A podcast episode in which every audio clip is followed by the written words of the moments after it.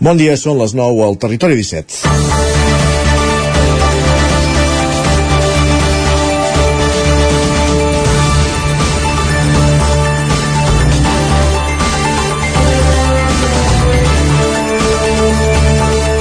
Fa un parell de setmanes els Mossos d'Esquadra van localitzar una plantació de marihuana en una nau d'una granja de porcs abandonada a Osona.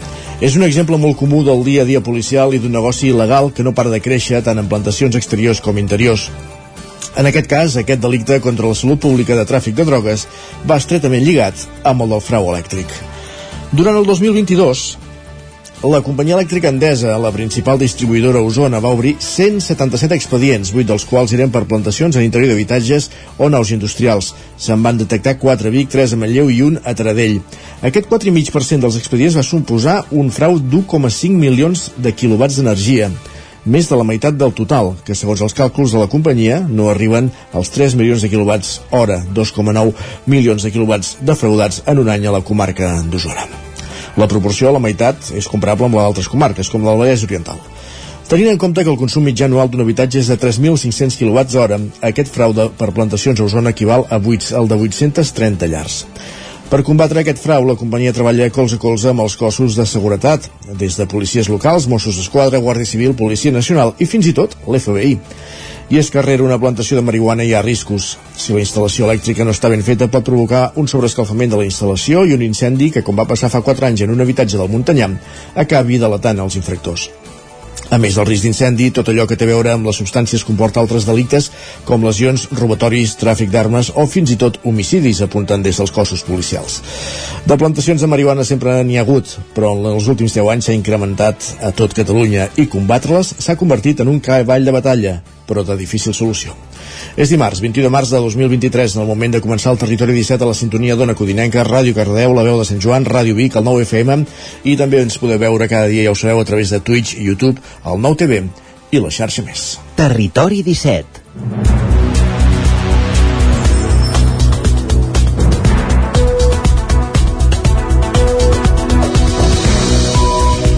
És dimarts, 21 de març de 2023, primer dia de la primavera, de la primavera astronòmica, en parlarem, ens ho comentarà com cada dia en Pep Acosta, el nostre home del temps, i és el moment de començar el Territori 17, el magazín de les comarques del Vallès Oriental, Osona, el Ripollès i el Moianès, que enceta avui també el seu primer programa d'aquesta primavera, de la primavera del 2023. Una primavera no gaire diferent dels darrers mesos d'hivern i que tot apunta que, que quan comencin a pujar les temperatures també es farà molt, pensar molt ràpidament en l'estiu. Ja, ja comença a córrer aquell tòpic que de quatre estacions hem passat a, a dues. Uh, del temps en parlarem d'aquí una estona al Territori 17 ara anem que, uh, amb el que ens ocupa que és el sumari del programa d'avui Avui, en aquesta primera mitja hora, com cada dia, ens dedicarem a aprofundir en les notícies més destacades de les nostres comarques, en connexió amb les diferents emissores del territori 17. Com dèiem, també farem un cop d'ull al cel amb la previsió del temps que ens porta en Pep Acosta des d'Ona Codinenca i acte seguit anirem cap al quiosc. Bé, qui ho farà serà en Sergi Vives des del 9 FM per repassar quines són les portades dels diaris del dia. A partir de dos quarts de deu, com cada dia, l'Isaac Muntades a la tren d'Alba recollint les cròniques dels oferts usuaris de la línia de tren, de la línia R3, de la línia Barcelona-Vic, Ripoll, Puig, Puigcerdà. I acte seguit a l'entrevista avui en Roger Rams des d'Ona Codinenca conversa amb el cantal de, Caldes de Montbui Miris Way. Coneixerem qui hi ha darrere d'aquest nom, d'aquest sobrenom i coneixerem el seu projecte Miris Way, un músic, un cantant avui a l'entrevista al Territori 17 just després de la tren d'Alba dos quarts de 10 del matí. I acabarem a la primera hora arribarem a l'equador del programa parlant d'aigua, parlant de sequera, parlant de l'estat dels rius, perquè ja s'ha fet pública la memòria del 2022 del Centre d'Estudis dels Rius Mediterranis de la Universitat de Vic, que té diversos titulars. Un és que, per exemple, eh, la sequera intensa del 2022 fa disminuir l'aigua circulant i la qualitat biològica dels rius. Es recomana treballar en la reducció de l'ús de l'aigua, implementar mesures de, la de gestió forestal adequades, aplicar menys adots als camps i restaurar boscos de ribera, entre d'altres. El curs principal del riu Ter, per exemple, tenia el 2022 una qualitat de l'aigua entre mediocre i dolenta a la majoria de punts i estacions de mostreig. De tot aquest estudi, d'aquests titulars, en parlarem, com bé dèiem, a la recta final d'aquesta primera hora, abans d'arribar al punt de les 10 amb la Núria Sallarès del Centre d'Estudis dels Rius Mediterranis per veure com ha incidit la sequera en l'estat dels rius a les nostres comarques, a les nostres conques ara que torna a estar d'actualitat perquè veiem com cada dia està més baix el volum del pantà de Sau a causa d'aquest desembassament que s'està fent cap a Susqueda per garantir la qualitat de l'aigua de boca de l'àrea metropolitana de tots aquells municipis que capten del pantà de Susqueda. A partir de les 10, més notícies al territori 17, la previsió del temps i els dimarts és moment de parlar d'economia. Ho fem amb en Joan Carles Arredondo, el cap d'economia del 9-9 del Vallès Oriental. Serà un quart d'onze. I acte seguit, després de la pausa, ens capbussarem a Twitter amb les piolades més destacades que troben Guillem Sánchez i acabarem el programa d'avui amb el territori dona. 5 minuts i mig que passen de les 9 del matí i ens posem en dansa al territori 17 repassant les notícies més destacades de les nostres comarques, les notícies del Vallès Oriental, Osona, el Ripollès i el Moianès. L'Assemblea de la Mancomunitat La Plana aprova modificar els estatuts per ampliar les competències. Passaran de nou a 15 serveis en àmbits com la mobilitat, l'urbanisme, l'habitatge o el medi ambient. Aquesta és la tercera actualització dels estatuts que fa l'ENS, que dona servei a més de 32.000 habitants de 12 municipis d'Osona. Sergi Vives. L'Assemblea de la Mancomunitat La Plana va aprovar per unanimitat dijous modificar els seus estatuts. Els canvis rauen en el fet que els consistoris podran optar a més serveis públics en àmbits com la mobilitat, l'urbanisme, l'habitatge o el medi ambient. Els serveis passaran de 9 a 15. Pere Medina és el president de la Mancomunitat La Plana. Aquests estatuts eh, el que volen és eh, aconseguir un escenari perquè els, la Mancomunitat encara sigui més útil pels ajuntaments i, i, i en un futur puguem afrontar els reptes que, que ens depara que el futur, la redundància, que, que seran complexes. Per tant, és important tenir una mancomunitat eh, musculada i, i amb capacitat per donar resposta a totes les inquietuds dels ajuntaments. El que hem fet és, és si més no, deixar el camí a punt perquè la voluntat eh, que, que, que mani de la pròxima assemblea i la pròxima junta eh, pugui decidir tranquil·lament si volen anar cap un camí o cap un altre. Això era necessari. Ara estàvem una mica en, encursetats. D'altra banda, els nous estatuts també milloren la representació i participació en els òrgans de govern de la Mancomunitat. Augmenten en una tercera part els càrrecs electes que formen la Junta de Govern i passaran de 7 a 9. Pere Medina. S'ha decidit ampliar la representativitat de, que hi ha a la Junta, passant a tenir mm, dues persones més. Això ens, el que ens permetrà és, no, poder haguéssim tingut la voluntat o la, ens hagués agradat que cada ajuntament hagués pogut estar representat a la, a la Junta, però la llei no ens ho permet, ens permet només un terç de l'assemblea. Aquesta serà la tercera vegada que es modifiquen els estatus de l'ens supramunicipal que es va crear fa 40 anys i que dona servei a 32.000 habitants. La primera va ser el 2005, a causa d'ajustar una miqueta la representació dels diferents municipis perquè havien d'accedir a un servei si havien de tenir un o dos representants. El 2014, arrel de l'Arsal, que va entrar en vigor el 28 de desembre del 2014, 13 eh, va haver de ràpid i corrents eh, aprovar-se aquesta una, els estatuts per adaptar-se en sis mesos i aquesta que, que entra en vigor, bueno, que, que, entrarà en vigor quan els ajuntaments els aprovin, eh, portem 3 anys treballant-hi els treballs pel canvi dels estatuts es van iniciar fa més de 3 anys. Un cop validat per l'Assemblea de la Mancomunitat, el procés l'hauran de ratificar els plens municipals dels 12 municipis que en formen part. Més qüestions. Enric Pérez del PSC de Ripoll presenta la seva candidatura a l'alcaldia acompanyat del primer secretari del partit, Salvador Illa, i centrant-se en les polítiques d'habitatge. Isaac Muntades, la veu de Sant Joan. El PSC de Ripoll ha entrat de ple en la campanya electoral i aquest dimarts va portar un pes pesant com és el primer secretari del partit a Catalunya i cap de l'oposició al Parlament, Salvador Illa, que va participar en un col·loqui a la sala Abat Sant Just amb el candidat a l'alcaldia dels socialistes, Enric Pérez. Per començar, Illa va donar tot el suport a Pérez i va lluar la seva tasca com a regidor regidor a la vila. A més a més, va deixar clar que el PSC és un partit conciliador que busca el diàleg en tot moment. Ho fem en forma d'un diàleg, que és una metàfora del que hem de fer aquests dies, no? Aquests dies hem de tenir una conversa pública amb tota la ciutadania, de tots els pobles ciutats de Catalunya, també aquí a Ripoll i al Ripollès, i nosaltres volem fer una conversa pública molt serena, molt assenyada, molt tranquil·la, molt respectuosa amb tothom, i ens volem explicar, volem explicar els nostres projectes, la nostra visió de com ha de ser en aquest cas Ripoll. Creiem que s'ha fet una feina amb un talant molt obert, molt d'intentar construir una alternativa, però també de fer-ho amb estesa, que és l'estiu que tenim els socialistes en aquests, en aquests temps, no? i sobretot pensar en les institucions. No tinc al cap ara la situació del Consell Comarcal, no? doncs pensar en les institucions i no mirar allò a curt termini, sinó a llarg termini. No? La qüestió de l'habitatge, focalitzada en el barri vell de Ripoll, és una de les que més preocupava els socialistes. Illa va destacar que des de la darrera llei de barris impulsada pels governs de Pasqual Maragall i José Montilla no hi havia hagut diners per fer polítiques d'habitatge i de rehabilitacions dels nuclis antics. La proposta de Pérez era fer una gran operació urbanística de rehabilitació del barri vell que podria finançar-se amb els fons Next Generation, per tal de retornar-li la vida i activitat. En matèria d'habitatge també va proposar que l'edifici abandonat de l'estació es pogués convertir en un bloc d'habitatges amb espais compartits. Pérez també va fer l'aposta per la construcció de la variant est, ja que el trànsit intens i el pas de camions pel barri de l'estació és un problema, sobretot els caps de setmana, quan s'acumulen molts vehicles que pugen i baixen de les valls de Ribes i Camprodon. La millora d'infraestructures també passava per l'R3. Així resumia Pérez els quatre eixos principals a treballar en el pròxim mandat. Un ja l'hem posat sobre la taula, que és l'habitatge, rehabilitació al barri vell, un altre que ens preocupa molt és la sanitat pública, veiem que cada vegada estem perdent llençols, perdem especialitats, perdem serveis a l'Hospital de Can Davano, això ens preocupa moltíssim. El tema de les infraestructures que al final doncs, depenen d'administracions superiors, però és evident que si des del territori no es fa la feina no se'ns posaran a les carpetes de dalt, sinó que continuarem estant una mica oblidats. I també una cosa que volem posar sobre la taula és el tema dels equipaments, que estem en comarques que hi fa fred i que realment el, la crisi energètica està comprometent molt també els pressupostos municipals. En aquest sentit, esperem que puguem tenir una llei de muntanya en els propers mesos o l'any vinent que pugui fer aquesta discriminació positiva en temes que, que són importants de cara als territoris de muntanya. Pérez va insistir en que cal prestar bons serveis sanitaris, educatius, de serveis socials i tenir feina per tal de retenir la gent jove amb talent que sol marxar a estudiar fora i no torna. Això evitaria tenir una comarca tan envellida.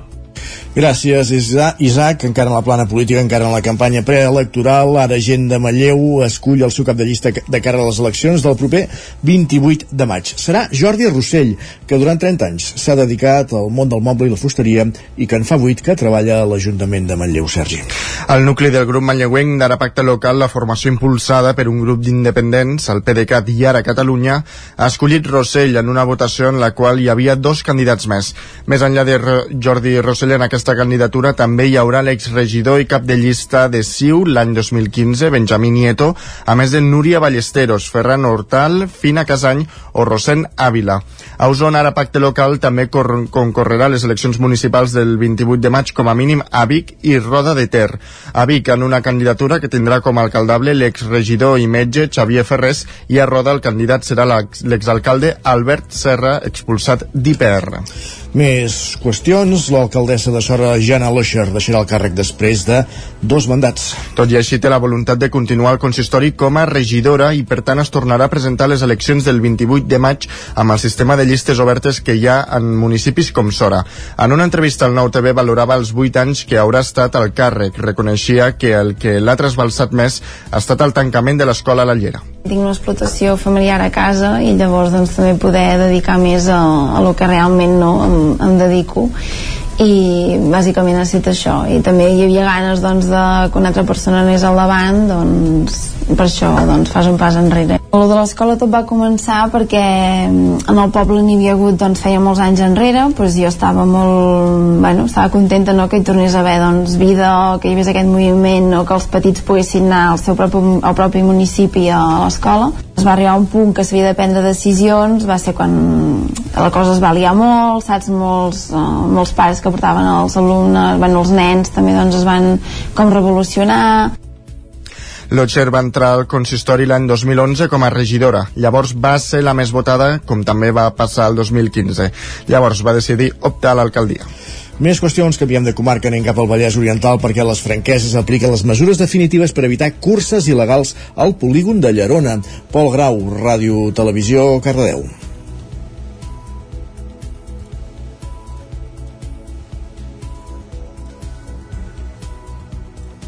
L'Ajuntament de les Franqueses iniciarà aquesta setmana les obres per construir una mitjana tipus ressalt al carrer França i instal·lar tres ressalts tipus esquena d'assa al carrer Finlàndia amb l'objectiu d'evitar les concentracions de vehicles al polígon Pla de Llerona per fer curses o altres conduccions temeràries que poden posar en perill la seguretat de vianants, conductors i altres usuaris de la via.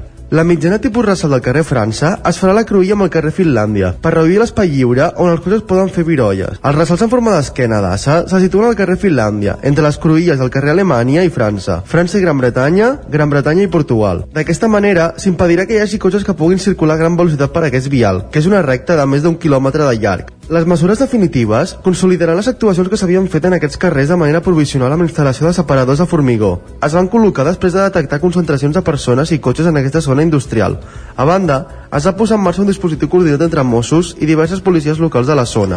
I Caldes de Montbui ha acollit aquest cap de setmana el Mercat de l'Olla de Catalunya, que ha aconseguit superar les xifres d'assistència prepandèmia. Roger Ram, zona Codinenca. 15.000 visitants en dos dies s'han aplegat pels carrers del centre històric de Caldes. Les parades d'artesania, les exposicions artístiques i històriques i les activitats familiars organitzades al voltant de l'olla més gran del país han consolidat aquesta fira que arriba en guany a la seva onzena edició. La regidora de Comerç i Turisme de Caldes, Carme Germà, en fa un balanç molt positiu i explica que l'impacte que genera en aquest mercat pel que fa al comerç local és molt important. El mercat de l'olla sempre atreu molta gent de fora i els, els balnearis estan plens, al càmping també hi ha força gent, tot i que encara ens queden uns dies per arribar a la primavera, però el mercat de l'olla està com estratègicament situat al principi de tot, quan les botigues ja han deixat de fer les rebaixes d'hivern i encara bueno, comencen a tenir els aparadors preparats per la primavera. Per tant, és, una, és un bon reclam perquè vingui gent a veure l'oferta que tenim a Caldes. Pel que fa a les racions de llegums cuits amb aigua termal, un dels principals atractius d'aquest singular mercat, l'organització apunta que se n'han repartit més de 5.000 entre els dos dies, fet que, segons apunta Germà, després de 10 edicions, el Mercat de l'Olla s'ha consolidat com una de les dates clau pels calderins. El que nosaltres preteníem era tornar a recuperar tota la gent d'abans de la pandèmia, que crec que, que això ja està aconseguit, sí, i, i ja consolidar aquesta, aquesta, aquest mercat de l'olla com una data important a dintre del nostre poble, com, com, com és ja el mercat de Nadal o l'Escaldàrium o altres dates que ja són representatives per, pels calderins i calderines. I jo, jo crec que el mercat de l'olla ara sí que ja ha vingut per quedar-se. Les visites al Museu Termàlia també s'han disparat aquest cap de setmana, en què molts visitants han aprofitat que la visita era gratuïta i que s'hi podia veure l'exposició temporal dels 356 anys d'història de Sant Antoni a Batacaldes. Gràcies, Roger. Aquí acabem aquest repàs informatiu que començàvem al punt de les 9 en companyia de Sergi Vives, Roger Rams, Isaac Muntades i Pol Grau. És moment al territori 17 de saludar també en Pep Acosta, el nostre home del temps. Casa Terradellos us ofereix el temps. Per tant, en Pep està eufòric, ha començat la primavera astronòmica i ens vol explicar com comença aquesta primavera meteorològicament parlant. Pep, benvingut, bon dia. Molt bon dia. Com estàs? Benvinguts a l'espai del temps. Benvingut, benvingut. I donem la benvinguda des d'aquí a la primavera. Ahir a les 10.24 vam entrar aquesta nova estació.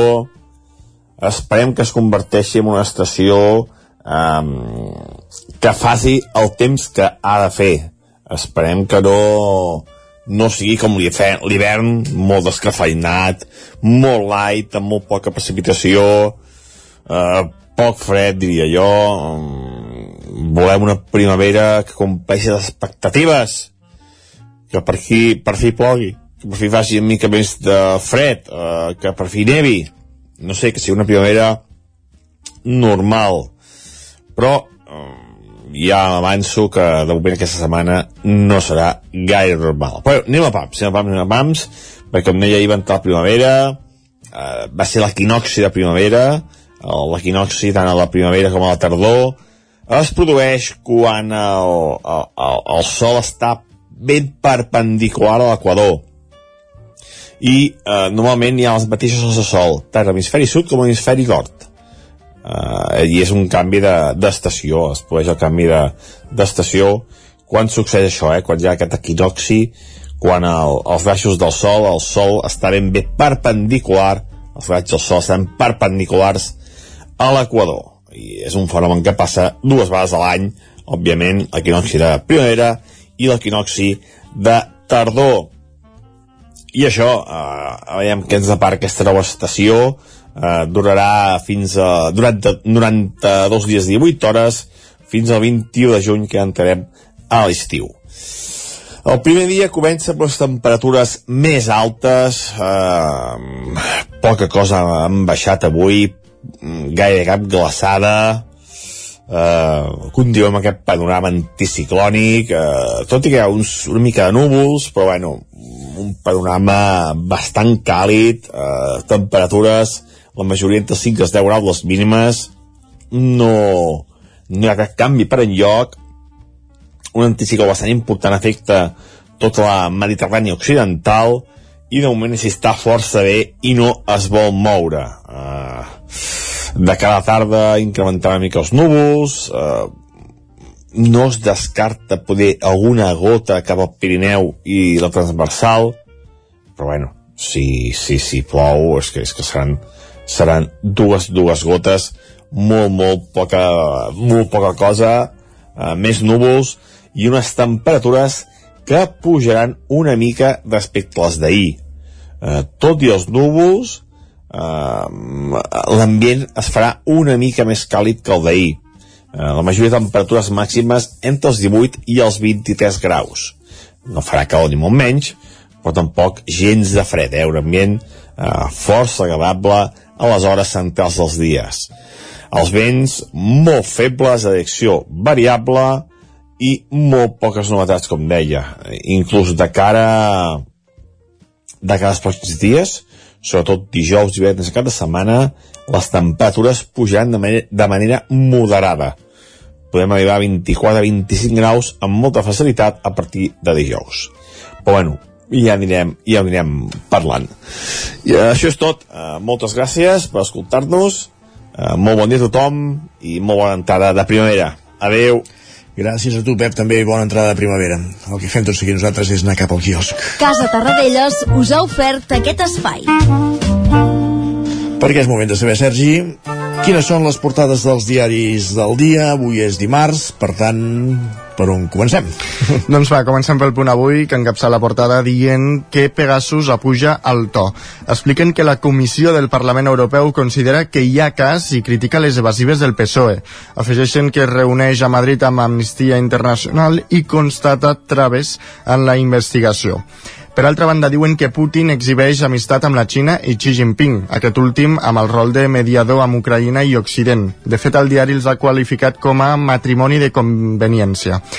I aquesta notícia va acompanyada d'una fotografia dels dos líders junts, asseguts i mantenint una conversa, una fotografia que apareix avui a totes les portades. La fotografia de Putin i Xi Jinping? Sí. Molt bé. El periòdico diu que el 83% dels nois condemnats per agressió sexual no reincideixen. Expliquen que molts menors que cometen delictes sexuals arrosseguen històries d'abusos en la infància, maltractament familiar o bullying apunten que la taxa de recaiguda entre aquests reus és de, la, de les més baixes en la delinqüència juvenil. Per altra banda, diuen que els mercats acullen amb temor la compra de crèdit suís per UBS. Expliquen que les borses comencen la setmana amb una tendència clarament baixista, malgrat els missatges de les autoritats financeres. La Vanguardia diu que els experts de l'ONU veuen irreversible l'efecte del canvi climàtic. Expliquen que els científics consideren insuficients els plans de xoc actuals i demanen que es, pre es preguin decisions urgents per evitar més estralls. Per altra banda, diuen que AstraZeneca aposta per Barcelona per investigar noves teràpies. De fet, eh, crearan mil llocs de treballs en aquesta ciutat. Uh -huh. Lara diu que l'IBEX 35 català perd 5.000 milions d'euros eh, de valor amb la crisi bancària. Expliquen que els bancs centrals fan una acció coordinada per donar liquiditat eh, que tranquil·litza i afegeixen que els mercats critiquen que s'hagi primat els accionistes per sobre dels propietaris dels bons.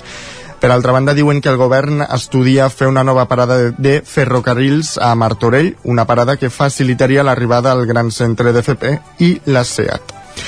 Carai, doncs que vagin estudiant i vagin fent quilòmetres de via que en falten molts en aquest país. Més ah, exactament. Anem cap a Madrid. El país diu que Macron es salva per poc de l'intent de tombar el govern. Expliquen que la moció de la reforma de les pensions es queda a nou vots de prosperar. També diuen que Pedro Sánchez i Yolanda Díaz reforcen la seva aliança per respondre a la ultradreta avui en la moció de censura. Expliquen que és una moció condemnada al fracàs i es converteix en una pilota d'oxigen pel govern i una incomoditat per l'oposició. L'ABC diu que Yolanda Díaz ignora a Ion Belarra i, fa un, Belarra, sí. i fa un pols al poder de Pablo Iglesias a Podem. Expliquen que la vicepresidenta fa oficial la seva candidatura pel 2 d'abril i no accepta la imposició de l'exlíder de negociar ja unes primàries abans d'un possible fracàs del 28 de maig. El Mundo diu que Abascal assumeix l'atac al PP i al PSOE amb Tamames com a secundari. Expliquen que el líder del partit titllarà a Sánchez d'autòcrata i tractarà de dirigir-se en cap de l'oposició en ausència de Feijó. Per altra banda, destaquen l'incert futur de Zamora, la comarca més envellida d'Europa. Expliquen que és el territori amb menys veïns per sota dels 20 anys, on el 60% dels pobles de la província té més població nascuda abans de la Guerra Civil que en el segle XXI. Segons la Unió Europea, en tres dècades perdrà el 40% dels seus joves. La Razón diu que la Moncloa no convenç amb el seu pla mm, per posar por a la dreta. Expliquen que Sánchez vol aprofitar la moció per recuperar el vot de centre, mentre que el PP centrarà el seu discurs en el president del govern i en presentar-se com alternativa. Aquestes són, uh, són els titulars de les portades d'avui de Catalunya i Madrid. Molt bé, no hi repassem les del 9-9, que avui és dimarts i no ha sortit. El que sí que podem repassar són les portades digitals del 99.cat, a l'edició d'Osona i el Ripollès. Doncs mira, ens trobem que les instal·lacions fotovoltaiques a Osona s'han multiplicat per 6 en els dos últims anys uh -huh. i també trobem un altre titular que és que l'Ultra Clean Marathon, eh, aquesta marató que s'ha celebrat aquest cap de setmana, ha recollit 663 quilos de residus i 12.650 euros. déu nhi I a l'edició del Vallès Oriental? Doncs destaquen aquesta manifestació a Mollet contra la denúncia de la policia a membres de la PA i també destaquen aquest acord perquè la tèrmica de Granollers sigui una, un referent per a la difusió de l'energia. Aquesta, ho dèiem ahir, aquesta Ultra Clean Marathon, que està molt bé la, la iniciativa solidària i a més que contribueix a, a netejar els boscos, però que també ens fa ser conscients d'una cosa, que és que quan anem al bosc no el deixem tal com l'hem trobat, que és el que és el principal que hauria de ser el principal objectiu un cop fem cap a, cap a la natura. I per tant llavors hem de fer iniciatives com aquestes per, per recollir els residus que, que altres hem deixat. Per tant també hauria de ser una, una lliçó diguéssim per, per recordar-nos això, que quan anem al bosc el més important és deixar-lo com, com l'hem trobat. Gràcies, Sergi. Fem aquí, acabem aquí aquest repàs als diaris i el que fem tot seguit al Territori 17, com cada dia, és una petita pausa, ara al punt de dos quarts menys tres minuts, i a dos quarts hi tornem ja amb la trenc d'Alba Punt des del Veu de Sant Joan i l'entrevista a Miris Way, músic de Caldes de Montbui. Res, tres minuts de pausa i tornem. El nou FM. Que la gent gran pugui envellir a casa amb dignitat, autonomia i qualitat és el propòsit de la Diputació de Barcelona i dels ajuntaments. Treballem per oferir serveis com teleassistència, millora de l'accessibilitat, atenció a la soledat i activitats socials al barri. Informa't en el teu ajuntament o a diva.cat barra serveis gent gran. Diputació de Barcelona. Cefusol, centre de formació de soldadura GURB. Som especialistes en processos de soldadura. Disposem d'instal·lacions totalment equipades per a classes de teòrica i pràctica amb cabines individuals i equipaments de seguretat. Assessorem empreses i oferim cursos subvencionats i bonificats. Vine i t'informarem. Cefusol, som al carrer Sant Roc, número 9 de GURB. Telèfon 664 206 192. També ens trobaràs a cefusol.com i a YouTube. Estàs preparat per aquest estiu? A Boi Galtés som especialistes en tot allò relacionat amb la protecció solar per a qualsevol necessitat d'espai, tendals, pèrgoles, escrins interiors. Anticipa't a la calor. T'assessorem i t'oferim la màxima garantia de confort i benestar per casa teva. No ho dubtis i vine a Boi Galtés. Ens trobaràs al carrer Jaume I de Vic número 5 al 93 886 1420 a la nostra web www.boigaltes.com i també som a Instagram boigaltes.tendals.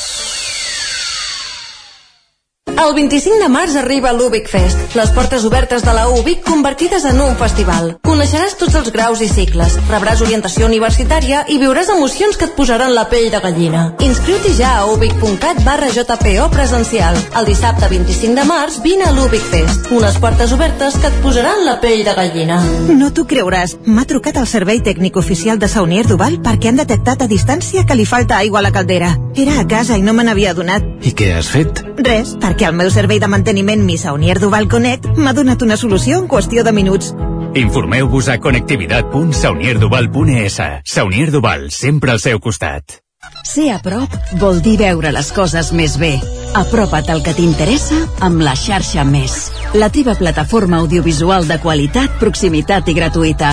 Gaudeix dels continguts de més de 30 televisions locals i podcast quan, com i on tu vulguis. Entra a la xarxa més.cat i descarrega't l'app. Cocodril Club. Si t'agrada la bona música dels anys 60, 70 i 80, escolta el 9 FM als matins de dissabtes i diumenges d'11 a 1.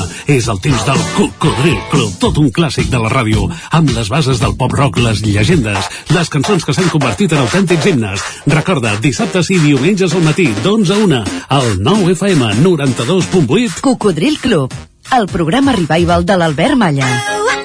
Hasta luego, cocodrilo. Territori 17.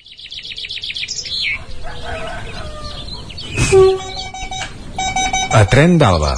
Cada dia els usuaris i usuàries de la línia R3 de Rodalies que veuen sortir el sol des d'un vagó ens expliquen les gràcies i les penes del primer comboi que uneix Ripoll i Barcelona o les feixugues jornades amb el tren després de treballar.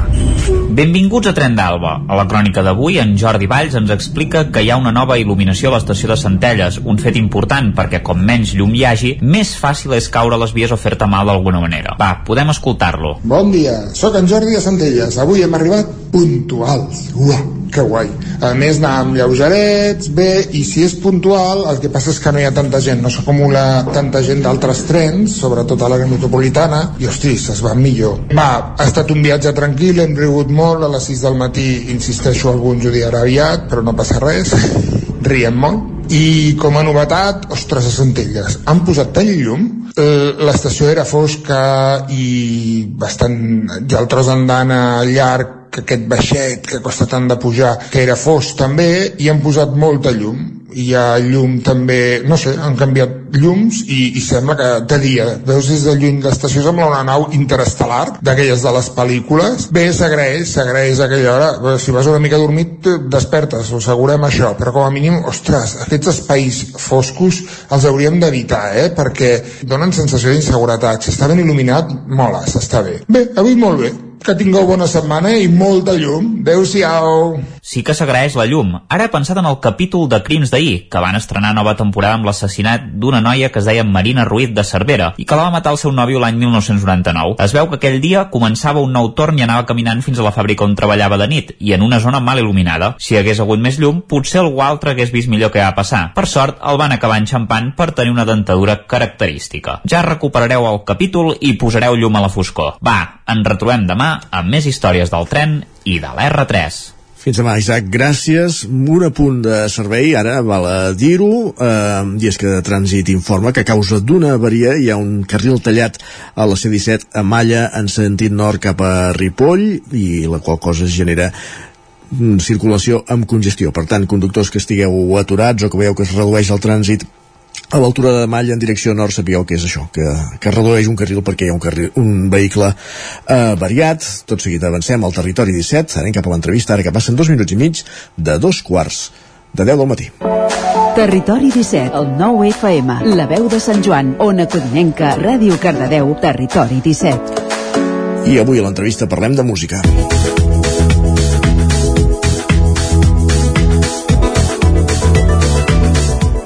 És que avui en, en Roger Rams conversa amb la cantant de Caldes Miris Way, un artista que portava molts anys de carrera musical amb bandes i orquestres, però a la qual la pandèmia li va canviar la manera de viure la música i va decidir començar un projecte propi que l'ha portat per escenaris d'arreu del país i a publicar un disc propi. Coneixem aquesta història, com bé dèiem, de la mà de Roger Rams, des d'Ona Codinenca. Roger, benvingut, bon dia. Perfecte, molt bé, doncs avui estem aquí amb la Miris Way, aquesta cantant calderina de, de Caldes de Montbui, que bé, ens va explicar una mica en què vas el seu projecte, parlarem també de les darreres novetats que, que ha presentat.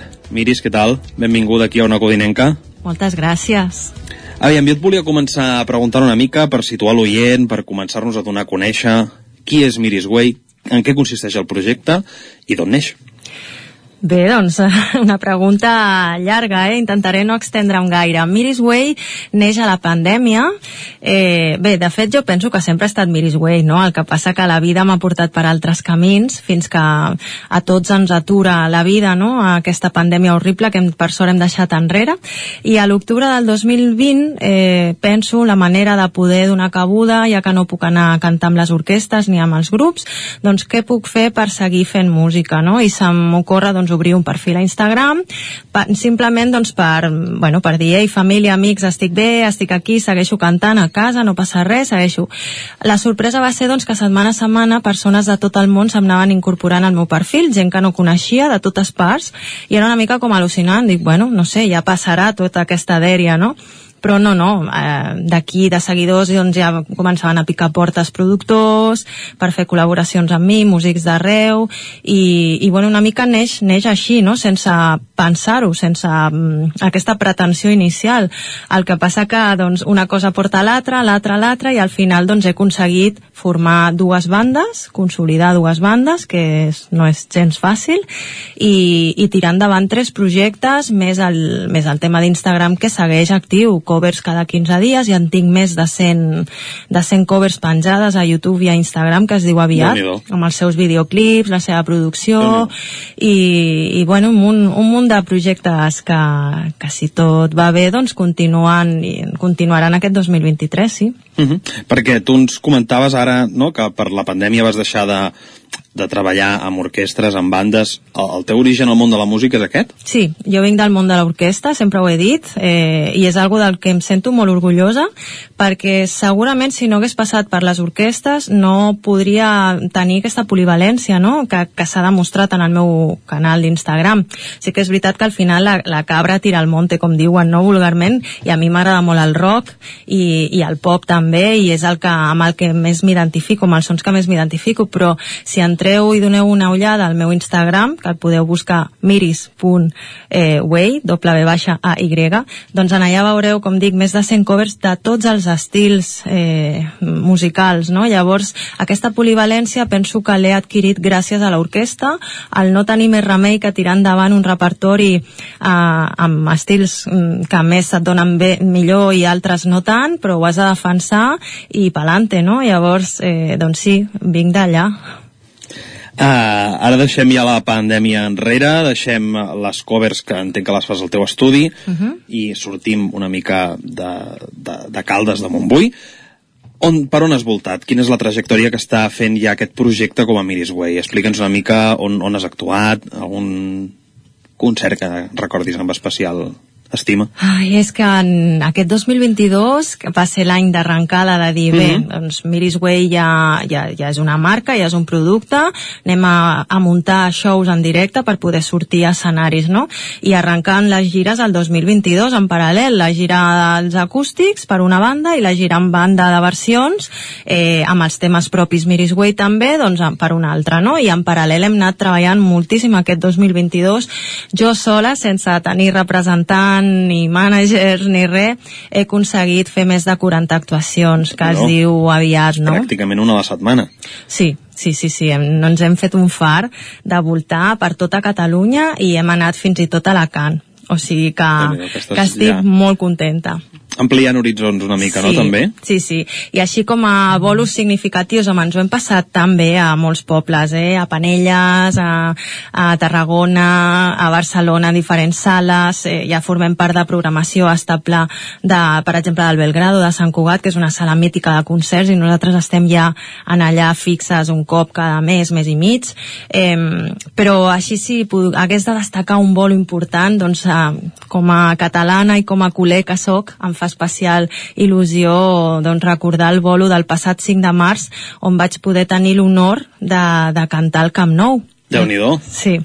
Déu-n'hi-do, explica'ns què, què vas fer allà a Can Barça. Doncs mira, eh, es veu que a Can Barça han organitzat un cicle de concerts en acústic, en format acústic, per donar l'entrada al camp en els partits que juguen a casa de la Lliga.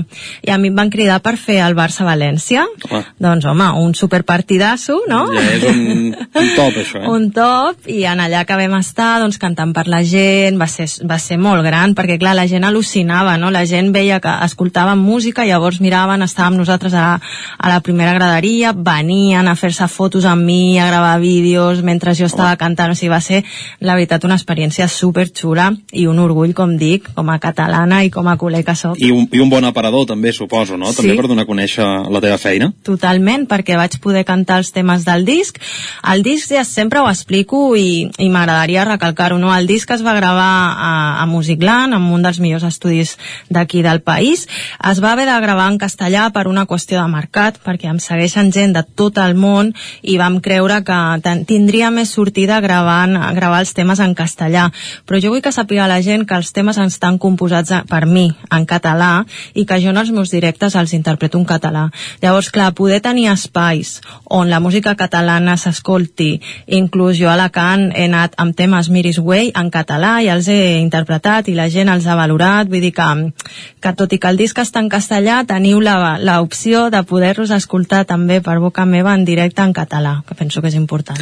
Parlaves ara del disc, Canviar, el tenim aquí. Sí. Aquesta obra va veure la llum a la tardor del 2022, mm -hmm. fa res, tot just uns mesos, tampoc no, no massa. Explica'ns què, què suposa aquest disc per tu. Per mi és la culminació d'un somni, realment. Jo m'emociono molt quan, quan miro el disc. Ja sé que avui en dia treure un disc, eh, bueno, doncs és com una, eh, per, un tema personal, no? No es venen discos, tot, tot, tothom és conscient de que la gent escolta la música en plataformes i, i discos se'n venen molt pocs, però jo necessitava tenir el meu disc físic ja per mi, no? Com a, com a dir, com a objectiu personal, no? I, i em sento molt, molt, molt orgullosa perquè anar a gravar Musicland són paraules majors em vaig posar a les mans d'en Jordi Soler, que és un màster amb lo seu i crec que el so és espectacular. Els meus músics de la banda s'hi van volcar a tothom perquè sonés mm, superbé i crec que el resultat és molt, molt, molt digne i molt fidel al que, al que jo sóc. Al final jo sóc això, i canviar representa, doncs, eh, ja no només el títol ho diu tot, no? És que és veritat, ha estat per mi un canvi radical en maneres de viure la vida, la feina, maneres de, de gestionar el temps, així que doblement orgullosa. Uh -huh. Aquest disc, Canviar, eh, on el podem trobar? També suposo que està a plataformes. Sí, sí, sí, clar, està a totes les plataformes, a Spotify, a YouTube Music, a Amazon, a tot arreu podeu, podeu aconseguir-ho, però jo us animo que si voleu comprar-lo, perquè està molt xulo el disc, hi ha unes fotos meravelloses que va fer, que ha fet en Yeyo Marín, que és, a, a part de ser un fotògraf esplèndid, eh, esplèndid és el teclista i cantándote el cochambre. Llavors, sí, sí, eh, per això et dic que, que a les fotos val molt la pena que mireu a l'interior del disc, així que si algú ja que tingui ganes de comprar-lo em pot enviar un missatget per l'Instagram i per 10 euros jo l'envio gratuïtament amb una dedicatòria a la porta de casa seva eh, aquesta oferta va vàlida per tota la península així que vinga, animeu-vos que per 10 euros ara que ve el dia del pare, no? Per exemple, Seria un una bona regal ocasió. una És una bona, bona ocasió, ocasió. Exacte. Sí. I aviam, miris, uh, El alma al aire, això és Uau. un monogràfic que has fet d'Alejandro Sanz. Explica'ns una mica... Un altre somni, la veritat. O sigui, és que jo no tinc, de veritat, mm, sona com, no sé, una mica pesada, no? Però és que no tinc vida per agrair totes les coses que m'estan passant, de veritat. O sigui, tota la gent que de manera altruista s'as- se suma, em dona el suport, com, com saben, no? En aquest cas, músics molt mediàtics de Barcelona, que jo que penso que tinc un equip, mm, estic jugant la Champions, no? Jo vaig proposar eh, de poder fer alguna cosa d'Alejandro Sanz perquè és un artista que a mi l'adoro, no sé, és com un referent musical molt gran per mi eh, i penso que valia la pena poder-li rendir un homenatge. Jo sempre dic que l'Alma a l'aire no és un tribut, ja sé que ara tothom fa tributs, tothom clona, jo no vull fer això, lo nostre és un homenatge, és a, a agafar l'obra d'Alejandro Sanz, que és molt complexa i és una obra molt intensa, i intentar mm, doncs explicar-la des d'una vessant femenina, que crec que és molt interessant aquest enfoc, no? Sí. Ja d'entrada ell és un senyor i jo sóc una noia que intento doncs cantar la seva obra, interpretar-la a la meva manera des d'aquest punt de vista femení, com et dic, no? Femení i feminista. Llavors, és, és un projecte molt bonic en el que ens estem deixant la pell moltes hores eh, de dedicació perquè com dic eh, el repertori és sumament complicat però per mm, degut a la complexitat del, del repertori he hagut de comptar amb els millors i, i tinc en el meu equip doncs, a gent com en Dani Campos, que és un teclista de renom a Barcelona, surt a Tu cara de me suena, per exemple, no? un programa eh, d'Antena 3 molt mediàtic, tinc el Jorge Carrasco, tinc el Dani Catena a la bateria, tinc el Javi Vaquero i el Jaume Sartora a les guitarres flamenques, acústiques i elèctriques, o sigui que mm, super ben rodejada i sona de nassos. Jo espero que vagi molt bé aquest projecte ja podem donar la data d'estrena, ja tenim data d'estrena, que serà el proper 27 d'abril a la Sala Vivaldi a Barcelona.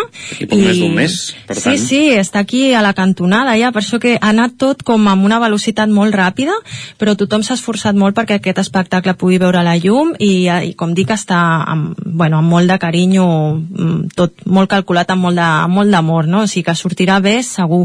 Estarem, com dic, el 27 d'abril a la Sala Vivaldi i, i a mi m'agradaria que vingués anéssiu tots i totes perquè serà una cosa no mai vista. És un, no és un, com dic, és un monogràfic no és un tribut, així que si teniu ganes d'escoltar a l'Alejandro Sanz interpretat per mi, per la Miris Way en aquest cas, doncs penso que val la pena. Les entrades estan a la venda a Entradium per un preu molt assequible i a més a més també oferim l'opció de que si venen els, aquests papis i mamis no, que voldrien venir, que treballen, que tenen nens, doncs que puguin venir amb els seus fills de manera gratuïta. Els nens no pagaran entrada i podran estar en el tot, concert. Tot un detall també, perquè no sempre, no sempre és possible. És que jo sóc mami, llavors, llavors eh, sé lo difícil que, que és poder conciliar a vegades eh, ja no només la feina, sinó també la teva vida d'oci, no? Poder tenir una mica de llibertat d'oci, de poder anar a llocs on puguin entrar els teus fills. És una sala de festes, com dic, però hem arribat a l'acord de que per aquesta ocasió, ja que és un espectacle blanc, que és un, un espectacle,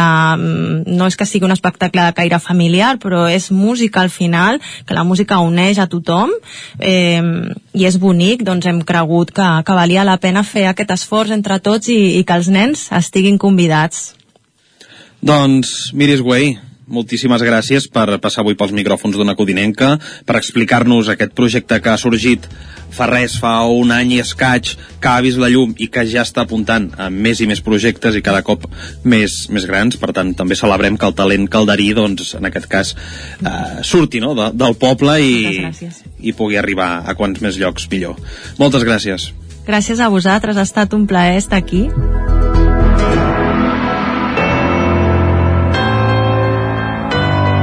Territori, Territori 17. 17.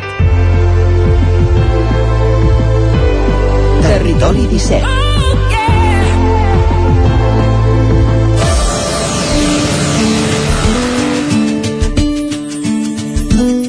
I el que fem tot seguit al Territori 17, com cada dimarts, eh, és endinsar-nos a l'àmbit de la natura, de la natura i el medi ambient, i, i en aquesta secció qui ens acompanya un cop al mes són els membres del Centre d'Estudis dels Rius Mediterranis de la Universitat de Vic, que coincidint amb el Dia Mundial de l'Aigua, demà, 22 de març, acaben de publicar una nova edició, l'any 2022, de l'estudi Estat Ecològic dels Cursos Fluvials d'Osona Osona 2022. En un any de sequera no podem intuir altres resultats que, una, que la disminució de l'aigua circulant i la, i la qualitat biològica dels rius a la comarca d'Osona.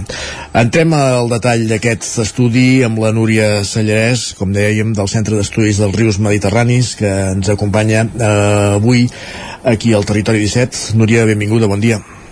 Hola, molt bon dia. Com bé dèiem, publiquem, eh, acabeu de publicar eh, l'edició del 2022 d'aquest estudi de l'estat ecològic dels cursos fluvials d'Osona 2022, un estudi en el que analitzeu la qualitat de, de l'aigua a partir de, de les mostres que agafeu i de, de la presència de macroinvertebrats i el primer titular és aquest, que pel fet de, de la sequera també ha afectat, òbviament, en la, en la qualitat de l'aigua la majoria de, de rius i rieres estudiats. Sí, eh, des de l'any 2021, com, com tothom ja sap, eh, portem una sequera acumulada d'un parell d'anys i això el que fa és que, evidentment, la, els rius també també ho noten, pateixen bastant aquesta, aquesta sequera, hi ha molta menys aigua que circula pels rius i la qualitat que hi ha en aquesta comarca, en alguns casos ja la tenim una mica tocadota, doncs el que fa és això, doncs, que a la que ens disminueix l'aigua la, que porten els rius es, es poden notar molt més aquests petits contaminants, aquesta contaminació difusa que tenim a l'aigua i la qualitat empitjora de seguida. Uh, de totes maneres sí que veiem que hi ha dos corrents per entendre'ns eh? Uh, hi ha zones on, on hi ha una qualitat bona i aquí situeu la Riera Major i el riu Gès a l'alçada de, de Forat Micó també el riu Ter i un, ha altres punts on, on trobem trams de riu amb qualitat d'aigua mediocre o dolenta que aquests ja els situaríem al Meder, al Gurri o, o al Rimentol, més cap a la plana de Vic Sí, és a dir, els rius que circulen molt per zones urbanes, per zones agrícoles, eh, no tant forestals, és a dir, eh, això, el Gurri, el, el Meder, eh, fins i tot el Ter, eh? aquest any a, a la plana de Vic hem notat que la qualitat ha disminuït, ha disminuït bastant. Clar, són rius que ja estan força impactats, tenen molt, molt poc post de ribera, tenen els camps ben bé allà al costat, de seguida que hi ha una mínima contaminació, aquests rius noten molt, el seu cabal és molt baix, i de seguida que hi ha alguna cosa, doncs clar, no, no, no, no es dilueix. Doncs imaginem-se, això en dos anys que no plou, molta, molta menys aigua pel riu, i els contaminants que han sigut els mateixos. Bueno, entenem que els mateixos no, nosaltres no ho sabem, eh, quins contaminants hi ha. Nosaltres el que detectem és que l'aigua la seva qualitat empitjora molt. Però bueno eh, vivim a la comarca que vivim eh, l'agricultura i la ramaderia són la que són i per tant, van, dos més dos diem que fan quatre. Molt bé, ciència exacta. Uh, en canvi dèiem, uh, salveu aquest, aquest, aquests trams més, més elevats, no entenc, de, de la Riera Major de, o, de, o del riu Gès a, a Foràmico. Sí. Quina és la diferència Clar, aquests trams? Mirem trams de riu doncs, on, la, on la qualitat en aquest cas és molt bona, és a dir, hi ha molt poc impacte, tot i que la Riera Major en alguns punts també ha disminuït, però bueno, tot i així són rius eh, molt forestals, amb, amb molta aigua que corre aquest any també han patit, eh? han patit molta sequera tant el riu Gès com la Riera Major la Riera Major trobem uns cabals baixíssims que no havíem trobat en, en, en molts anys però tot i així la qualitat a, eh, a través dels macroinvertebrats aquàtics doncs és molt bona, continua sent, continua sent molt alta uh mhm. -huh. per tant deduïm que l'impacte no és tan fort és a dir, passa, hi, ha molt poca, hi ha molt pocs nuclis urbans hi ha molt poques urbanitzacions eh, no hi ha polígons industrials i la ramaderia i l'agricultura que s'hi fan en aquelles zones no és tan intensiva com el que es fa quan ja ens endinsem més a la plana de Vic. Uh mhm. -huh. Evidentment aquests són paràmetres, abans citàvem que demà és el Dia Mundial de l'Aigua, que en dates eh, com la de demà val la pena posar sobre la taula doncs, per, per prendre consciència no? de, de, del, bé, del bé que suposa l'aigua i de l'escassetat eh, que tenim d'ella en els últims mesos. Eh, ja en som conscients, anem veient com va baixant el nivell del pantà de Sau, anem veient com, com ja està descoberta l'església, però evidentment quan posem dades com aquesta sobre la taula ens fa ser més conscients encara de, de la situació d'emergència per entendre'ns en la que estem. Sí, sí, sí, i en el context que estem de canvi global eh, tampoc sabem fins a quin punt la cosa anirà, anirà més en aquest sentit. És a dir, tot, tothom ens està dient que hi haurà sequeres molt més marcades que hi haurà pluges intenses en moments puntuals que poden portar cops de riu i que per tant és un escenari que si fins ara ha sigut excepcional, possiblement en els propers 20-30 anys eh, serà un escenari que possiblement serà de normalitat. Uh mhm. -huh. Per tant, alguna cosa ens està indicant tot això i, i que ens hem de començar a posar les piles en molts sentits perquè al final l'aigua que passa pel riu és l'aigua que ens acaba, en molts casos ens acaba arribant a les aixetes de casa nostra i per tant si hi ha molta menys aigua però a més a més els contaminants continuen sent els mateixos aquesta qualitat és dolenta i les empreses que, que porten l'aigua a les cases doncs tindran molta més feina eh, a fer-la potable per nosaltres i a tenir-ne ara mateix hi ha pobles de Catalunya sortia l'altre dia també o 30 minuts, pobles de Catalunya que els hi han de portar l'aigua amb camions sí, sí. aquí a Osona de moment això no passa però bueno, mmm, són escenaris que hem de començar a veure com a possibles i a veure, a veure com, com comencem a treballar-los. Uh -huh com bé, eh, com dèiem abans eh, eh, el motiu pel qual avui parlem de, de la qualitat de l'aigua dels rius és aquest eh, estudi que, que feu eh, anualment sobre l'estat ecològic dels cursos fluvials d'Osona. Eh, dèieu això que, que, fe, que feu mostres i a partir de la presència de macroinvertebrats eh, es qualifica l'estat de, de l'aigua. Una mica explica'ns el, el treball de camp. Diguéssim, què són els macroinvertebrats? Com, com, com es funciona diguéssim i com, com s'elabora aquest, aquest treball Val, mira, nosaltres seleccionem uns quants punts de, dels rius de la comarca d'Osona, en part perquè ens fan encàrrecs o bé ajuntaments o bé alguns particulars, i el que fem és eh, anem, a, anem a camp i agafem en un tram de riu d'uns 100 metres aproximadament, també depèn de l'amplada del riu, però en general són uns 100 metres de riu, amb uns salabres com aquests d'anar a pescar a la platja, però amb el diàmetre, amb el forat molt més petit, agafem tots aquests macroinvertebrats, que no són més que larves de mosques, de mosquit, de libèl·lules, d'escarbats, els, els típics sabaters que trobem eh, en els rius. Llavors el que fem és agafar la, tota la diversitat d'aquestes famílies que trobem en un tram de riu. I a partir d'aquí, cada una d'aquestes famílies hi ha uns índexs que estan marcats a nivell de la península ibèrica però també a nivell europeu. Cada un d'aquestes famílies d'invertebrats té un valor. O sigui, hi ha que tenen un 10, hi ha que tenen un 5, hi ha que tenen un 7. I en funció d'això nosaltres podem, al final, amb aquests paràmetres, podem saber si l'aigua del riu està en més bon estat o en menys mal estat. També el que fem és, eh, tenim unes, unes sondes fisicoquímiques que mirem pH, mirem oxigen, mirem temperatura, en el mateix moment en què anem al riu, per tant tenim uns paràmetres fisicoquímics del mateix moment i també agafem una mostra d'aigua que la portem a analitzar a depuradores d'Osona. Per tant, tenim per una banda eh, fisicoquímiques al, moment, al mateix moment, les mostres d'aigua que les portem al laboratori i aquests macroinvertebrats aquàtics que clar, la, la part fisicoquímica ens indica el moment, és a dir, si vas el dimarts a les 10 del matí tindràs la, la dada d'aquell puntual d'aquell moment. En canvi, els macroinvertebrats el que fan és que t'integren més o menys un període d'uns 15 dies. Si aquell riu hi ha hagut un impacte 15 dies, 3 setmanes abans de que tu vagis a fer un mostreig, aquests macroinvertebrats que hem dit que tenien 10, 9, que t'indiquen bona qualitat, són molt sensibles a la contaminació. I quan hi ha un petit impacte, desapareixen. I triguen a tornar a recuperar-se en aquell riu, això, uns 15 dies, 3 setmanes.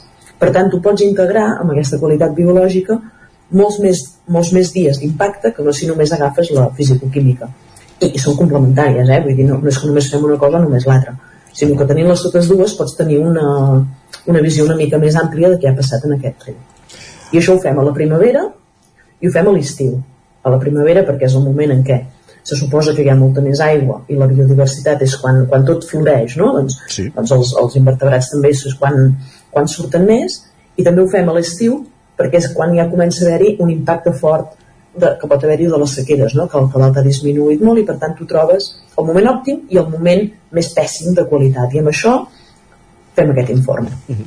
Entenem la primavera, que és això, és que és quan normalment hi ha més aigua, quan hi ha els desglassos. A quin moment de la primavera? Perquè entenc que si l'estudi del 2023 es fa ara no serà el mateix. Vull creure que, que, finals, de, que, que finals de maig, per entendre'ns, no?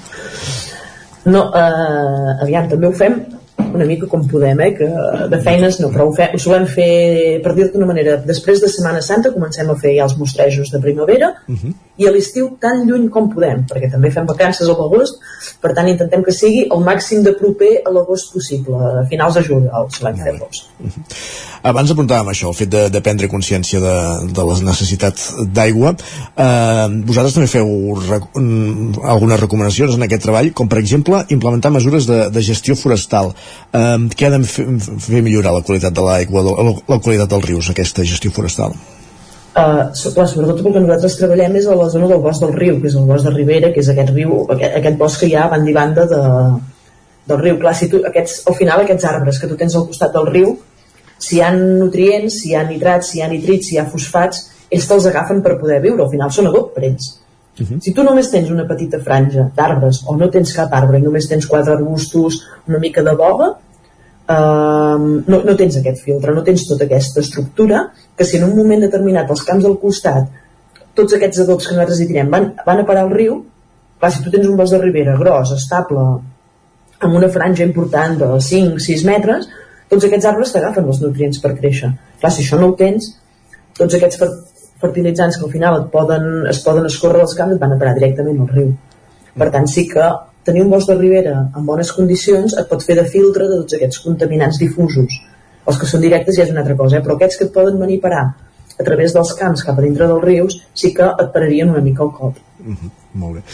Ja per últim, abans parlàvem una mica de, de la metodologia, el que sí que heu anat ampliant al llarg dels anys són els punts de mostreig. En aquest últim any, el 2022, vau analitzar 16, 16 trams. Això permet ser més precís també, no? Sí, et bueno, permet tenir una, si més no, una visió més global del que està passant. Uh -huh. Si només fas els punts de, de la plana, diríem, ah, els rius estan molt malament. Bueno, fem el gest fem la Riera Major, fem alguna altra que, que ens doni una, una mostra més representativa de tota la, tota la comarca i sí, tens una, una visió més global del que està passant. Uh -huh. Sí, sí.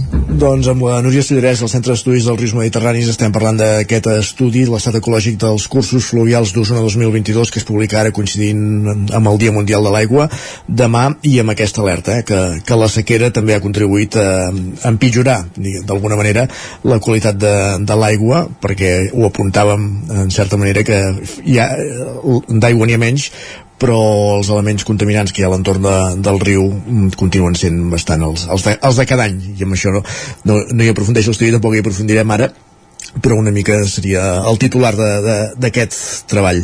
Núria, no sé si ens deixem alguna cosa per afegir. No, és que si algú vol consultar pot entrar a la web de, a la pàgina web del CERN, doncs, el Centre d'Estudis dels Rius Mediterranis, i allà pot trobar l'estudi, hi ha tota la informació disponible, i, i ja està, i moltes gràcies. Doncs gràcies a tu també i que vagi molt bé, molt, molt bon dia. Bon dia. Amb la Núria Sallarès del Centre d'Estudis del Risc Mediterranis arribem al punt de les 10. Aquí al territori 17 serà moment de posar-nos al dia, serà moment d'actualitzar-nos amb les notícies més destacades de les nostres comarques, com fem cada dia a les hores en punt del territori 17. Ara, com dèiem, arribem al punt de les 10.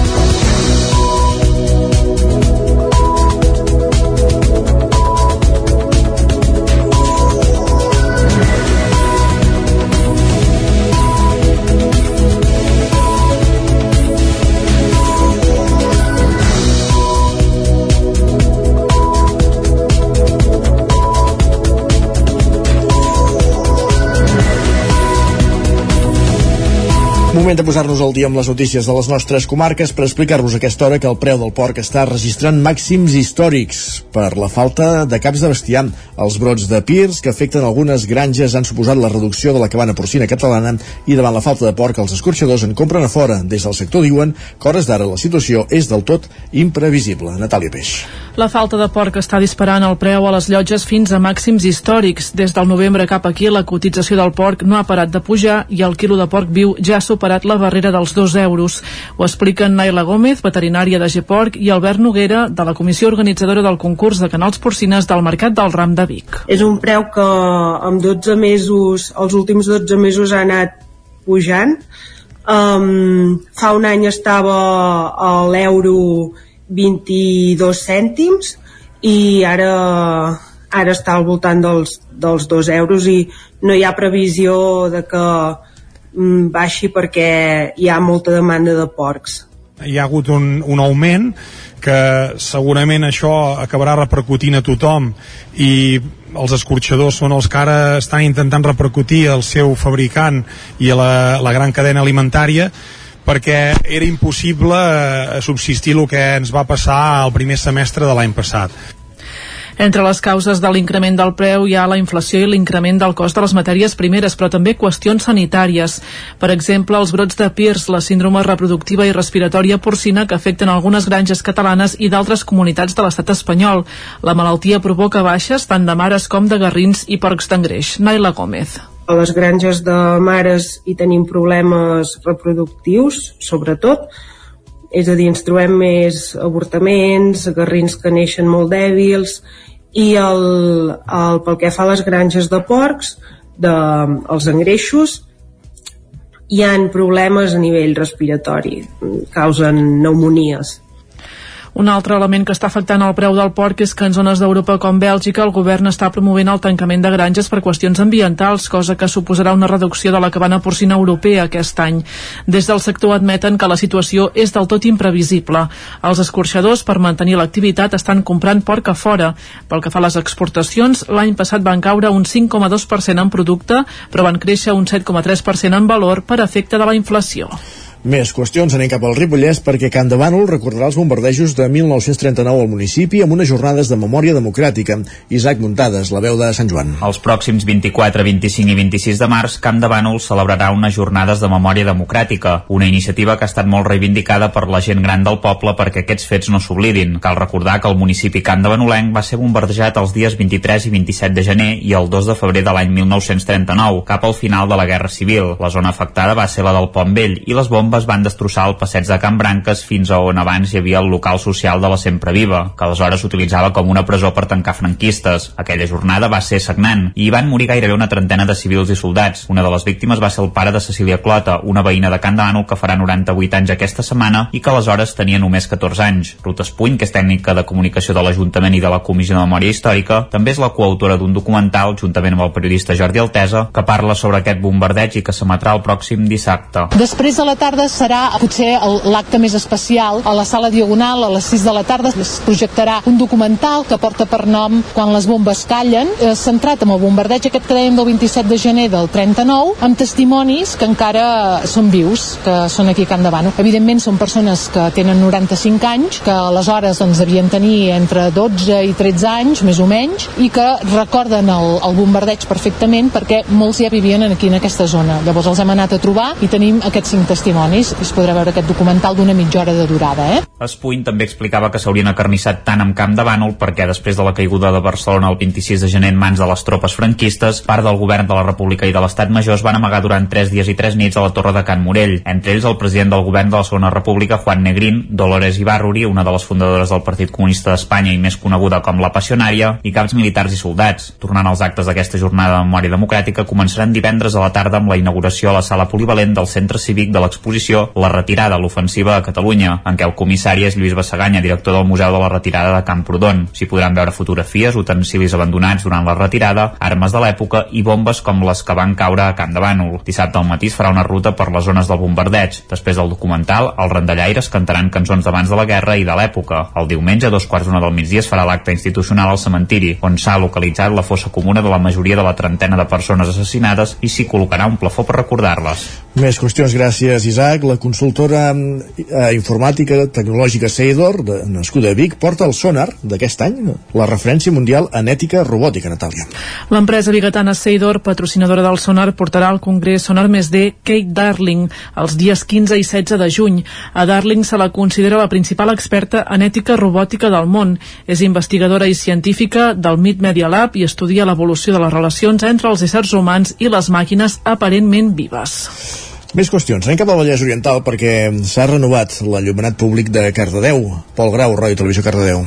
L'Ajuntament de Cardedeu està renovant l'enllumenat públic del municipi. L'actuació va començar pel barri de Camp Montells i s'està actuant a d'altres zones, com Can Canyes al nord, la zona de la Riera a l'oest i la zona de Granada i Bellavista, a l'est de Cardedeu. Es tracta d'un canvi massiu de les llumenàries públiques que afectarà un total de 2.901 punts de llum de tot el municipi. Les noves llumeneres tenen tecnologia LED i són regulables per optimitzar el flux lluminós i adaptar-ho a les circumstàncies i situacions específiques de cada emplaçament. Aquesta renovació permetrà un estalvi de 631.068 kW l'any, que representarà un estalvi percentual del 46,75% respecte al consum actual. L'actuació està finançada amb 639.000 euros, provinents del Fons Europeu de Desenvolupament Regional, dins del programa Ayuda SEI para proyectos de inversión en economía baja de carbono per entidades locales. És previst que s'hagin substituït totes les llumeneres el 31 de juliol d'enguany. I com explicàvem la setmana passada a l'entrevista, Vigues i Riells del FAI ha viscut aquest cap de setmana la primera Fira de l'Oli del Vallès, una fira que fa anys que es feia al poble, però que enguany s'ha reformulat i ha tingut també la sequera com a protagonista. Roger Ram, zona codinenca. Sí, d'una banda n'han canviat el nom i també la ubicació, que enguany s'ha traslladat a la plaça Miquel Bosch de Vigues. Aquesta fira que va plegar una quarantena de parades d'alimentació amb l'oli d'oliva i el partasà com a principals reclams també va servir perquè els productors d'oli dels dos Vallesos presentessin en societat l'Associació de Productors d'Oli del Vallès que pretén impulsar la denominació d'origen protegida Oli de Vera que ja compta, això sí, amb el suport dels ajuntaments. La presidenta d'aquesta nova associació, Rosa Maria Pérez, explica per què s'han associat els productors. Fa quatre mesos que ens hem constituït. Uh, ja feia temps que parlàvem una mica de la necessitat de, de, de fer germanor entre els diferents productors. L'empenta ens, la, ens la va donar uh, el Consell Comarcal amb el segell de, de, de qualitat d'oli de vera i els ajuntaments amb la proposta de crear una denominació d'origen de, del Vallès, amb totes les varietats que hi ha aquí al Vallès.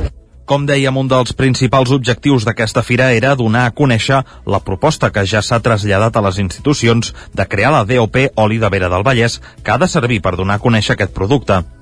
Això és molt important pels productors perquè eh, d'alguna manera el que estem és donant més valor afegit al, al producte i fer que arribi a, a molta més gent de que, bueno, que aquí a la comarca tenim una varietat d'oliveres, sobretot la vera, que és molt interessant i fer-la conèixer a la resta de, de gent a Barcelona i a la resta de Catalunya.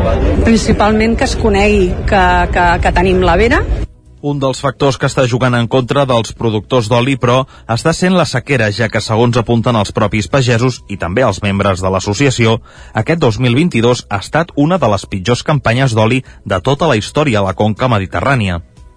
És un problema, vull dir, aquest any ha sigut un any molt dolent a nivell, a nivell de, de tota la península, però també evidentment aquí a, a, a la comarca. Hi han productors que no tenen oli i és un problema greu perquè aquest any si no plou doncs tindrem el mateix problema, hi haurà poca quantitat, la qualitat seguirà sent la mateixa perquè depèn de, de, de, de molts factors, però la, la quantitat d'oli que podrà haver-hi al mercat serà molt reduïda.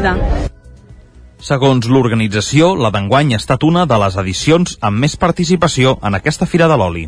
Gràcies, Roger. La plaça Major de Vic va concentrar aquest diumenge al matí més de 80 parades amb vehicles de modelisme i complements d'eslot provinents de diferents punts de l'estat espanyol i també de França i Anglaterra. I també 160 vehicles històrics formaven part de la setzena Fira Vic Eslot Clàssic i la 26a concentració de vehicles clàssics. Algunes eren peces úniques que costen de trobar i que col·leccionistes d'arreu van aprofitar per buscar a la plaça Major de Vic. Es podien aconseguir mirant entre les 85 parades amb vehicles de modelisme i complements d'eslot que s'hi van instal·lar en el marc de la setzena Fira Vic Slot Clàssic, una referència per als col·leccionistes del motor. De paradistes n'hi havia d'arreu de l'Estat i també de França i el Regne Unit. Joan Artés és membre de l'organització. I Catalunya no, no es fa a nivell estatal et diria que podia Madrid eh, sembla que eh, hi ha alguna altra fira que es fa eh, com aquesta nostra. I la gent que busca alguna cosa sap que si ve aquí té aquella persona que o un o altre ho, ho trobarà perquè eh, hi, ha, hi ha molta gent especialitzada i són els que, que, que venen en, aquest, en aquesta fira. Ve gent de tot arreu. Llavors les peces que et porten només les pots trobar aquí. Eh, saben que la gent que ve eh, i té alguna peça bona sap que la vendrà perquè hi ha gent que l'està buscant ja fa anys que la Fira va incorporar la concentració de clàssics que feia més anys que es portava a terme i que ara ha arribat a la 26a edició. Les dues activitats s'han complementat i aquest diumenge de vehicles històrics n'hi van passar 160 de diferents èpoques i models. Joan Artés. He vist un parell de cotxes, ostres, he vist un tiburon que, que feia molt temps que no en veia cap, he vist un Mercedes blindat que és un cotxe que es va fer només pel mercat americà i també era una peça molt rara. Eh, bueno, hi ha, hi ha coses que, que, que les pots veure aquí però t'emportes una sorpresa perquè fins al dia que, que no les veus no, no pots dir res els organitzadors, els amics de l'Escalèstric d'Osona, els amics dels clàssics i l'Ajuntament de Vic asseguraven que aquesta, després de l'aturada per la pandèmia, ha estat una de les millors edicions de la Fira Vic Slot Clàssic. Gràcies, Natàlia, que aquí aquest repàs informatiu que començava al punt de les 10 i un minut en companyia de Natàlia Peix, Pol Grau, Roger Rams i Isaac Muntades. És moment ara al territori 17 de parlar del temps, de saludar de nou el nostre home del temps, en Pep Acosta.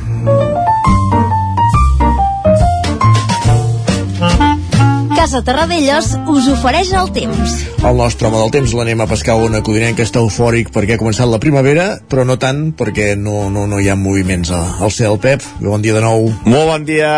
El primer dia comença amb les temperatures més altes, eh, poca cosa han baixat avui, gaire cap glaçada, eh, continuem amb aquest panorama anticiclònic, eh, tot i que hi ha uns, una mica de núvols, però bueno, un panorama bastant càlid, eh, temperatures, la majoria entre 5 i 10 graus les mínimes, no, no hi ha cap canvi per enlloc, un anticicló bastant important afecta tota la Mediterrània occidental i de moment s'hi està força bé i no es vol moure. Uh, de cada tarda incrementarà una mica els núvols, uh, no es descarta poder alguna gota cap al Pirineu i la transversal, però bueno, si, si, si plou, és que, és que seran, seran dues, dues gotes, molt, molt poca, molt poca cosa, eh, més núvols i unes temperatures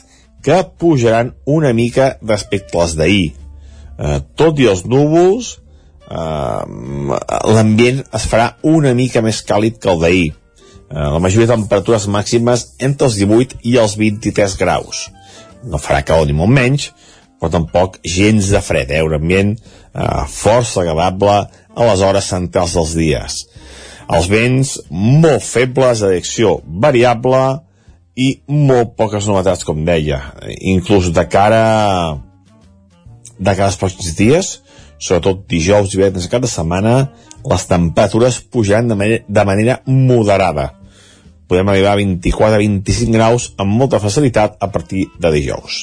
Però bueno, ja anirem, ja anirem parlant. I uh, això és tot. Uh, moltes gràcies per escoltar-nos. Uh, molt bon dia a tothom i molt bona entrada de primavera. Fins demà. Adeu. Bona entrada de primavera. Gràcies, Pep. Parlem demà. Bon dia. Casa Tarradellas us ha ofert aquest espai. Territori 17. Envia'ns les teves notes de veu per WhatsApp al 646 079 023. 646 079 023. WhatsApp Territori 17.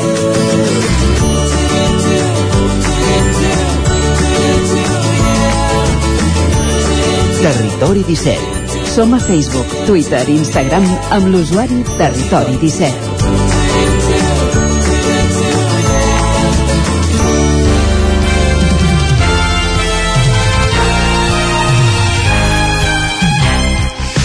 Un quart d'onze del matí, el que fem al Territori 17, com cada dimarts a aquesta hora, és parlar d'economia. Ho fem en companyia d'en Joan Carles Arredondo, el cap d'Economia del 9-9 del Vallès Oriental, i avui per parlar d'un tema candent al món econòmic, que és la, la crisi o el rescat d'alguns bancs. Van començar pel Silicon Valley Bank, però n'hi ha hagut d'altres, i ja n'hi ha un nou europeu, a, a Suïssa.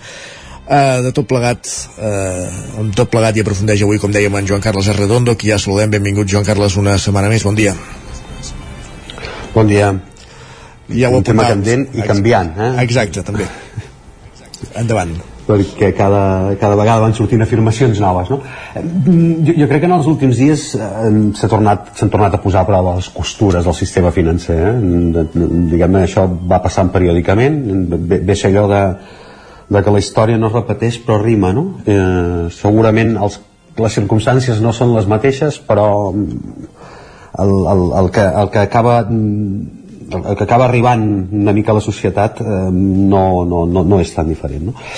efectivament en, en, en ben pocs dies eh? tres bancs als Estats Units i una Suïssa que aquest de Suïssa, que és Crèdit Suïssa és el més gran de tots els afectats de fet és el segon, era el segon banc de Suïssa Um, i clar, un, un banc a Suïssa diguem els bancs a Suïssa tenen, tenen una cosa és que són grans diguem-ne no?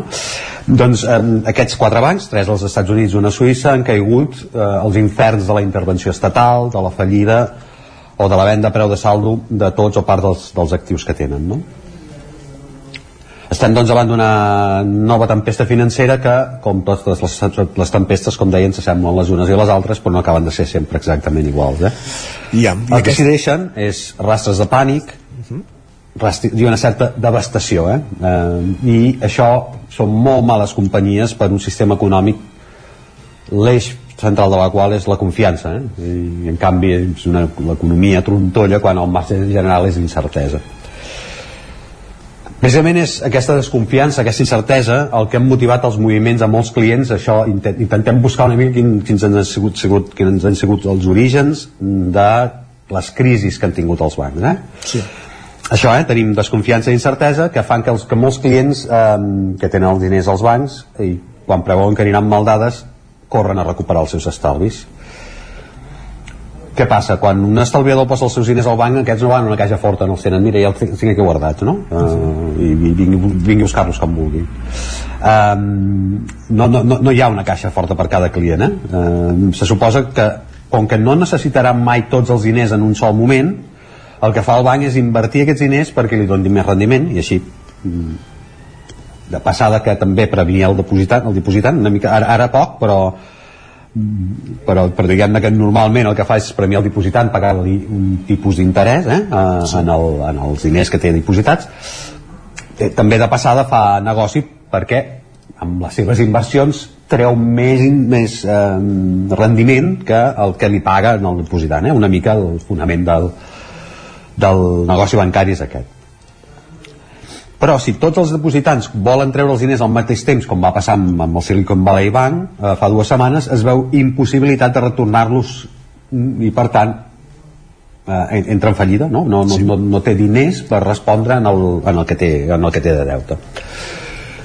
Cada cas és diferent, però les dificultats de liquiditat expliquen la rapidesa de les caigudes dels tres bancs nord-americans. Primer el Silicon Valley Bank, segon rescat més gran de, de la història dels Estats Units, a continuació va venir el Signature Bank, sí. tercer rescat més important de la història dels Estats Units, i després una intervenció al First Republic Bank eh, tot, tot, tot això està una mica centrat a Califòrnia on hi ha les startups que necessiten molt finançament eh, per tant diguem-ne que, que eh, aquests bancs havien fet algunes apostes arriscades no?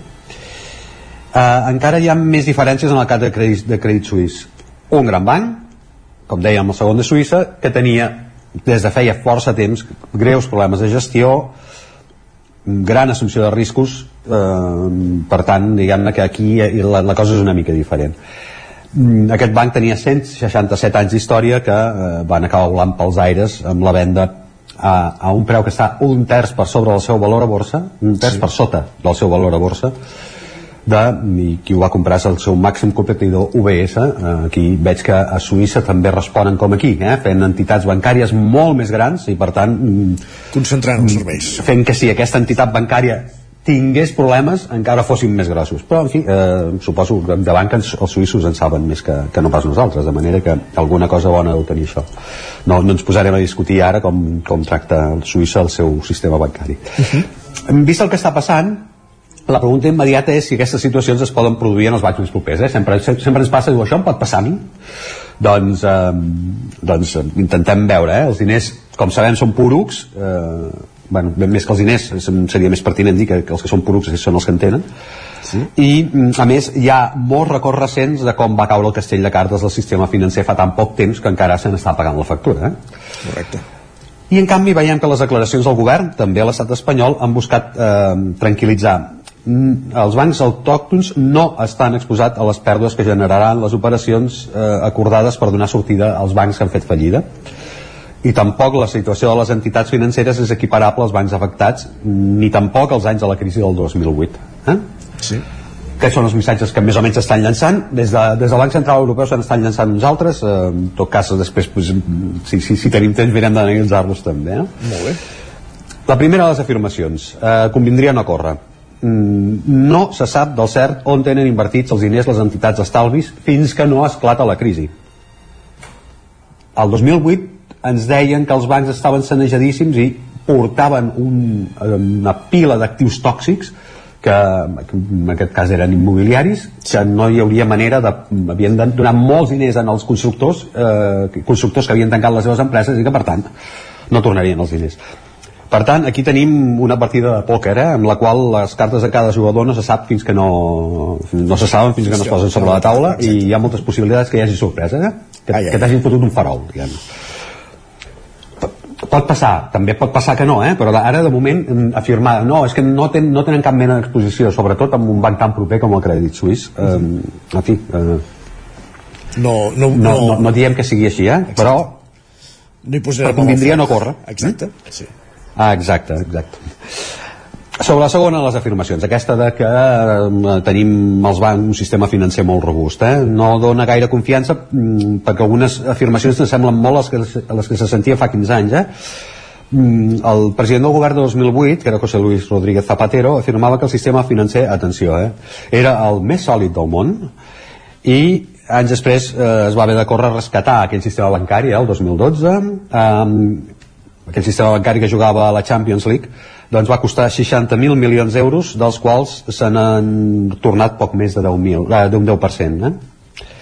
no, deia 10.000 no arriba a 6.000 eh, el que ha tornat eh, què va dir fa només uns dies la vicepresidenta econòmica del govern? doncs que el sistema espanyol està cometes, sanejat i que disposa, cometes, d'un mar reforçat és, és, és veritat que l'afirmació la, la, és una mica menys fatxenda eh, que, que dir que ets el sistema més sòlid del món però aquest punt de, de complaença eh, mm, diguem-ne que porta eh, gat, gat, gat escaldat de l'aigua sí. tèbia, de l'aigua tèbia fuig eh, posar-ho una mica en prevenció després explicarem que probablement la, la, la, la, la vicepresidenta tingui raó, eh? però, però mm, compte, mm, com a mínim s'ha de posar alerta. No? Uh -huh. La problemàtica que assetja la banca eh, és similar als Estats Units, a Suïssa i a la Unió Europea. Eh, durant molts anys els tipus d'interès han estat molt baixos. Els crèdits que, eh, que han concedit els bancs en tot aquest temps, molts dels quals amb terminis de pagament molt llargs, com poden ser les hipoteques o com les diferents modalitats de deute públic, que, era una bombolla que estava anunciada i que mm, pot acabar esclatant doncs eh, tot això s'està eh, remunerant a aquell tipus d'interès tan baix en canvi, quan els bancs recorren al finançament a preus actuals han de pagar tipus d'interès molt alts, eh, o, o com a mínim més alts, i en perspectiva encara poden anar pujant més amunt, eh, perquè tot això s'ha encarregat de recordar-ho la, la, la, la presidenta del Banc Central Europeu. Eh, pel Banc Central Europeu és més important la inflació que la crisi financera, almenys de moment eh? Uh -huh. doncs eh, això en, en comptes de comprar el diner barat i vendre el car ara estan comprant el diner car i venent-lo barat. I tot això, clar, pot, pot tendir a tenir uns desequilibris. Sí, no hauria de ser tan problema eh, si teníem en compte que les entitats financeres venen de, de beneficis rècord eh, sí, uh, l'últim any. I això tampoc convidria no oblidar-ho eh? Ell, ells sí que ho obliden ràpid per a més a més les regulacions Sí, ells sí, ells, ells sempre, sempre tindran alguna excusa, no? Mm, és cert que les regulacions europees han obligat a la banca a deixar una part d'aquests beneficis en unes reserves en forma de capital o de productes que garanteixen liquiditat. liquiditat aquestes eines han aportat robustesa al sistema, com, com diu la vicepresidenta, i, i en, segons les dades, disposa d'instruments per fer aflorar ràpidament 213.000 milions d'euros en cas que es produís una gran crisi financera. Per tant, estem parlant d'un matalàs confortable que, no obstant, és millor no, no posar a prova eh, aquest, aquest gran matalàs.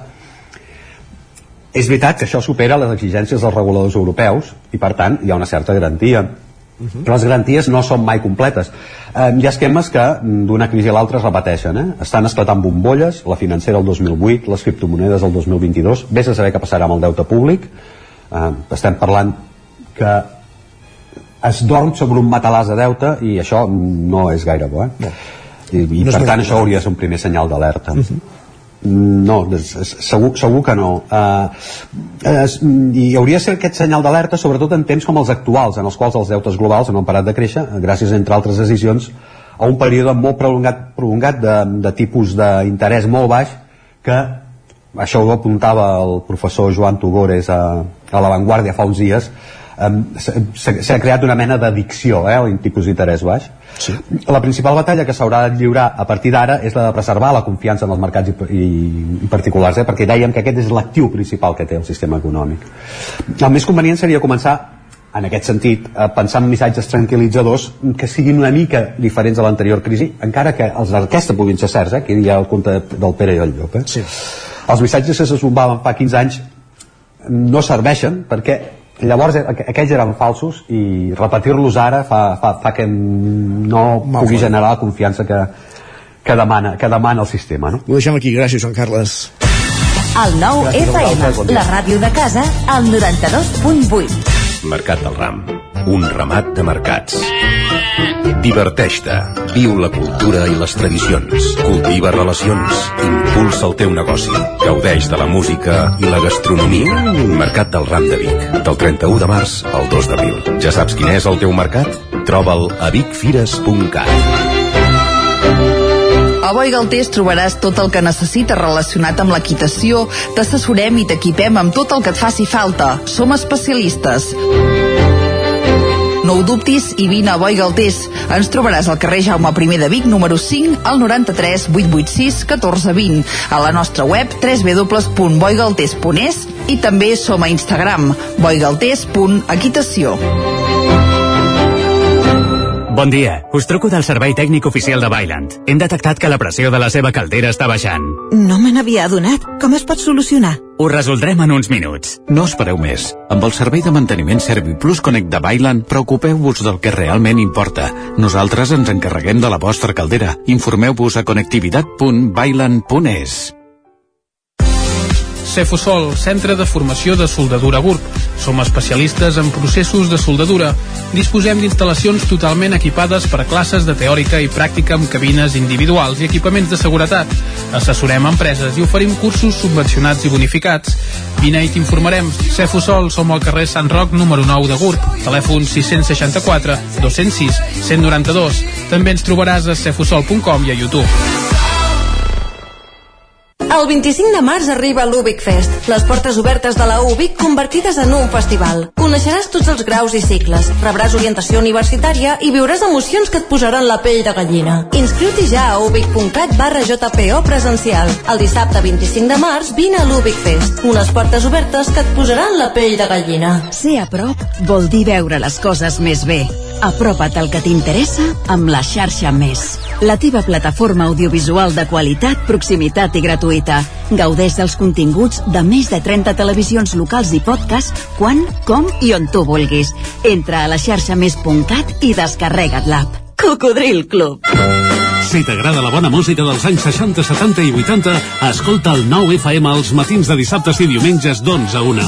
És el temps del Cocodril Club, tot un clàssic de la ràdio, amb les bases del pop-rock, les llegendes, les cançons que s'han convertit en autèntics himnes. Recorda, dissabtes i diumenges al matí, d'11 a 1, al 9 FM 92.8. Cocodril Club, el programa revival de l'Albert Malla.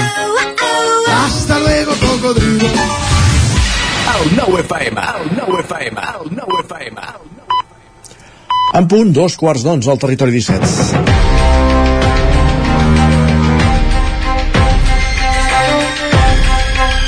I amb Guillem Sánchez, que ens porta cada setmana, cada dia, les pilades més destacades que troba a Twitter, ens innova cada dia amb una sintonia nova. Bon dia, Sánchez. Bon dia, què tal? El criminòleg Guillem Sánchez comença Perdó, ja la... només em faltaria això, només em faltaria això ja. Tu passaries teta, eh? Sí, però sí que s'ha de dir que ahir amb el primer capítol de, de Crims de la nova temporada sí que les xarxes van uh, revolucionar-se, diguem-ho així, per poder comentar en aquest cas de la Marina Ruiz. Repassem alguns dels comentaris va, que ens fan per xarxes. Per exemple, en Pol ja ens deia dilluns de guanyem el clàssic, torna Crims i comença la primavera, probablement dels millors dilluns que podem viure. I en Lluís també deia abans del programa avui fan Crims i Buos anuncia que en 10 dies treuen disc. El dilluns no podia anar tan bé. Home, Ara, uh, si, per mi sigut millor si Buos hagués anunciat que... Espera, espera, espera, espera, que no, un Manel, per sempre. espera, que no s'acaba aquí el missatge. Diu, ara no sé quin serà el crim més fort de la temporada, si algun dels capítols o bé el disc. Ara, ara, ara. Ara sí. Va, t'escolto. i entrem, sí, de matèria en el, en el capítol de- d'ahir de, de Crims. En Gil ens confessava el següent, diu amb el primer que em fixo d'una persona és amb la seva dentadura. Ara encara m'hi fixaré una mica més. Ai, senyor. Ai, senyor, aquestes dents, aquestes Que- dents. carai, serà fin, tu. I d'aquest motlle. Va, un altre usuari ens comentava, diu, 9 de cada 10 dentistes recomanen crims. I potser després del capítol d'ahir, eh, 9 i mig de cada, de cada 10. En serà fin que duia el DNI a la boca, deia eh? Correcte, es va acabar així el programa. Mentrestant, la Núria ens comentava si continuen posant mascaretes de carnestoltes a crims, tindré una mica de malsons. Feia una mica de por, eh? Algú, algú deia a la feina que no mirava crims perquè després no dormia. Potser és una mica exagerat, eh? però, No, no, no, però sí que s'ha de dir que aquestes màscares, aquestes llums, aquestes ombres, aquesta foscor, aquestes hores de la nit eh, no acaba d'ajudar massa. I és que mirar el programa, Isaac, pot tenir conseqüències. També per la Júlia, que ens diu ha arribat el moment en què la meva mare em fa preguntes teòriques sobre crims com si jo hagués format part de la investigació només perquè sé teoria en matèria de criminologia. Veus? Home, potser d'aquestes converses en surt algun comentari, alguna deducció que pot ajudar als investigadors Segur, o, segur. o als jutges o, o a qui sigui. I gran aportació de la Marta, que no esperava menys dels uh, usuaris de Twitter, ens diu Carles Porta, has perdut l'oportunitat d'acabar crims dient en fin serà fi. Ah, ah. Jo el que li demano a Carles Porta és que un dia es canvia la camisa. Porta 3 anys amb la mateixa camisa en ell d'aquell estudi de ràdio, eh? O que el plano final de l'estudi de ràdio pugui ser des d'un altre angle, que Exacte, també ja seria... podríem innovar també una mica, perquè sí. mare de Déu que no hi ha imatges de- d'ambient i recursos, però el plano final sempre, sempre, sempre és el mateix. Que per cert, diu que aquest any en Carles Porta el veurem fora de, de l'estudi i conversant amb els, alguns dels protagonistes dels casos, eh? Doncs estarem pendents, estarem pendents perquè segur que també dona, dona peu a fer comentaris a, a xarxes. Però va, canviant de tema i ens centrem en una altra qüestió. Jo, Isaac, que sóc un obsessionat de la puntualitat, no Ja. puc amb coses com la que ens diu aquest usuari. Ai, ai, ai. Diu, l'horari de tancar el nostre estanc és a les 8 del vespre. Avui, quan faltaven 4 minuts per les 8 del vespre, hi havia cua. Hem iniciat a baixar la persiana a les 8 i 10. L'hem hagut de pujar de nou 3 cops. Xatis, que hi som des de dos quarts de nou del matí. No heu tingut temps de venir? Com ens agrada apurar, eh? Els Sí, però catalans. això no és apurar, això ja és... Fora de- fo- Sí, fora d'horari. Fora d'hores. Fora d'horari.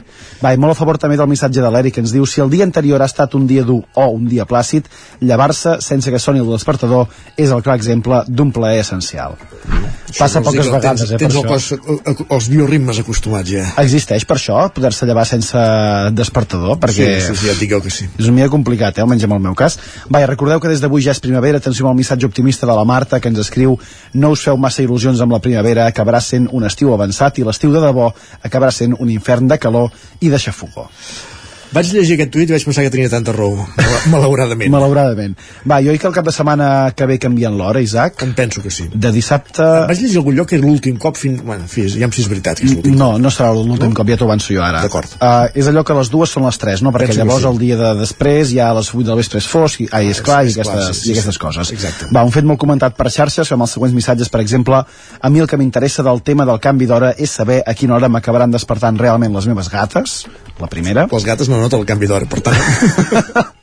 Una qüestió que, com dèiem, importa a molta gent, com també a la civil, que ens diu ara mateix el meu estat d'ànim depèn del canvi d'hora, malament també, si el teu estat d'ànim depèn del canvi d'hora. Aprofita durant la setmana per fer altres coses, perquè ja, ja t'ofuscaràs dissabte. Home. Correcte, i tothom hi busca un costat positiu, com per exemple l'Aitor que ens escriu necessito ja el canvi d'hora, m'és igual perdre una hora de son a canvi de ull guanyar una hora de sol i poder sortir a córrer fins les 8. Jo crec que, Aquesta.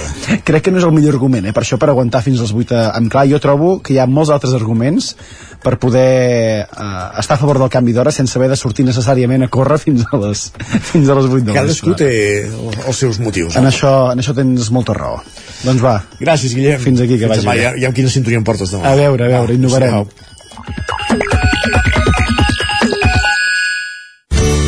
Territori 17. Envia'ns les teves notes de veu per WhatsApp al 646 079 023. 646 079 023. WhatsApp Territori 17.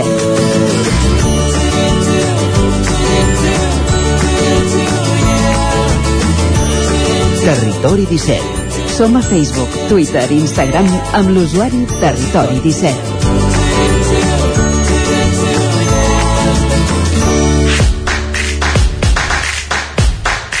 I el Territori 17, la recta final del programa dels dimarts, el dediquem al Territori Dona, avui amb la Maria López i la Natàlia Peix, recuperant la secció dedicada a les dones i la ràdio. Maria López, Ràdio Televisió Cardedeu, benvinguda, bon dia. Maria López, benvinguda, bon dia. Bon dia, Isaac. Doncs si arribem amb aquest ritme de timbals que ens anuncia que comença el Territori Dona, la tertúlia de batalla que fem les companyes de Territori 17 i que posa sobre la taula la realitat social sobre les diferències de gènere que encara impregnen el nostre país. I avui, 14 de febrer, per a molts no és el dia dels enamorats, sinó el dia següent del Dia Mundial de la Ràdio. I com a periodistes, avui, evidentment, tenim la mirada posada en aquesta efemèride i per això, des del nostre esprit més crític, volem posar el focus del Territori Dona precisament a la ràdio i en el paper de les dones en el món de la ràdio. Així que per fer-ho, avui comptem també des del Nou Ràdio amb la Natàlia Peix, que més ens porta una convidada que en podrà parlar molt de dones i de comunicació. Bon dia, Natàlia.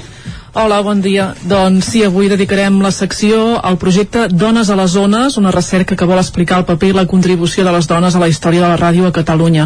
És una iniciativa amb diferents vessants. Inclou una pàgina web, una exposició que es va poder visitar al Museu d'Història de Catalunya, un llibre que ha publicat Pagès Editors i un banc de veus interactiu que permet conèixer i sentir les dones que han treballat i que treballen a la ràdio.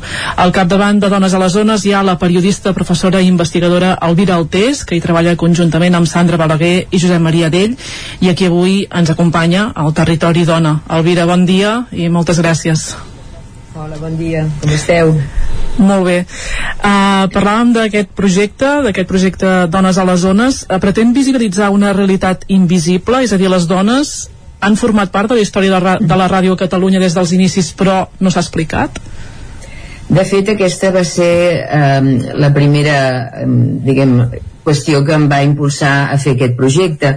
Eh, estava fent un article per una revista acadèmica sobre les dones a la ràdio i revisant bibliografia em vaig adonar que les dones amb prou feines eren noms escadossers però sense més eh, subratllats que els hi donessin valor i vaig pensar que era molt injust, que en realitat la, les dones hi havíem estat sempre a la ràdio des dels inicis, des de 1924 que, que, la, que la Maria Sabater va llegir eh, aquell, eh, aquell, aquells, eh, no sé, proves de so on de, deia l'indicatiu de, de l'emissora i on d'alguna manera doncs, eh, s'iniciava aquesta participació. Ella era secretària de direcció.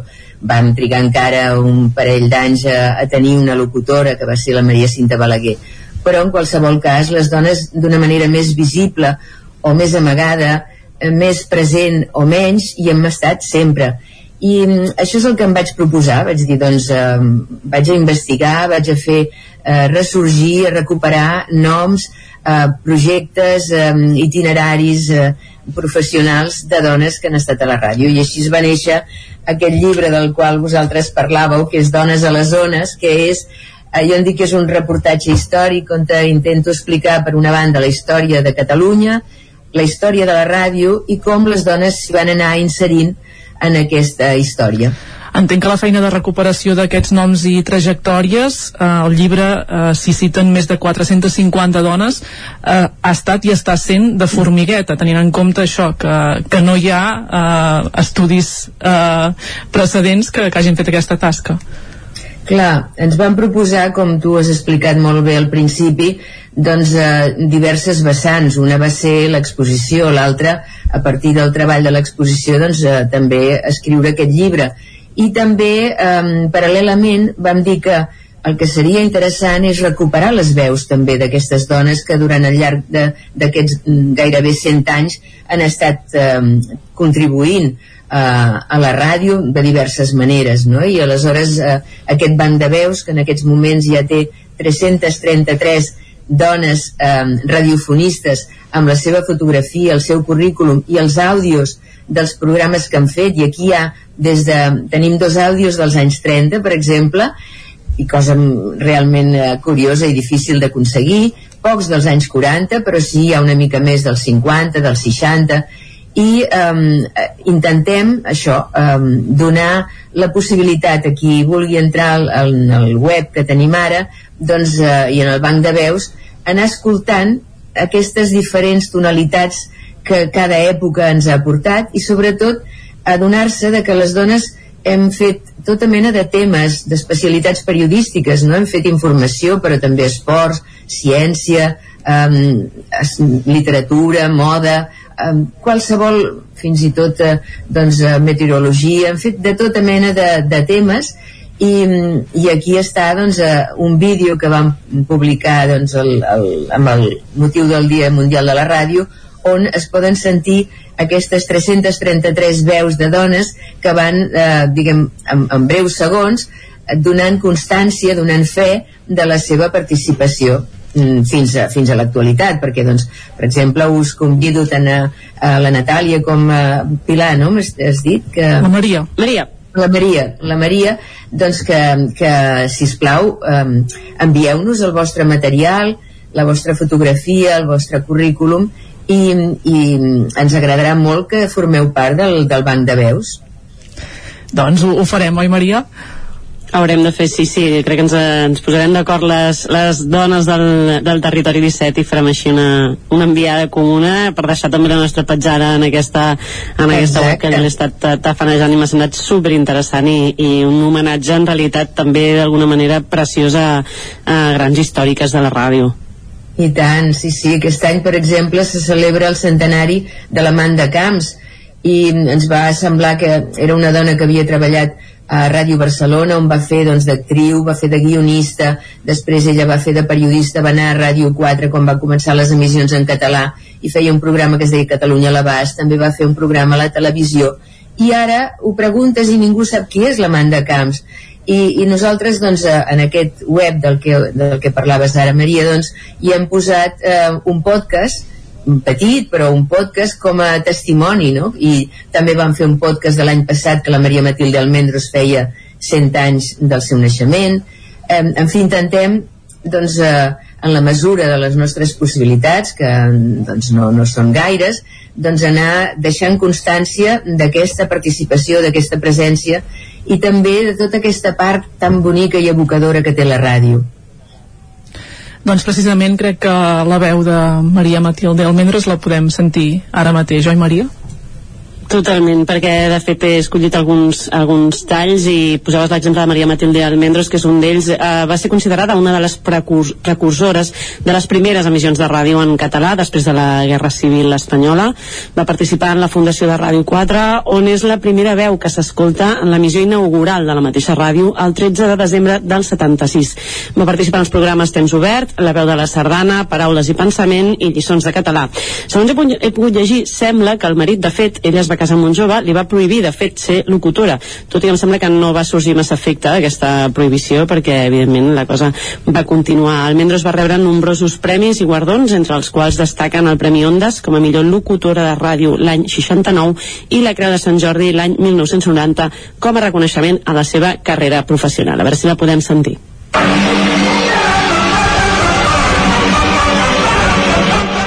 De España para los españoles. Un servicio de Radio Nacional de España en Barcelona dirigido a cuantos españoles nos sintonicen lejos de sus hogares.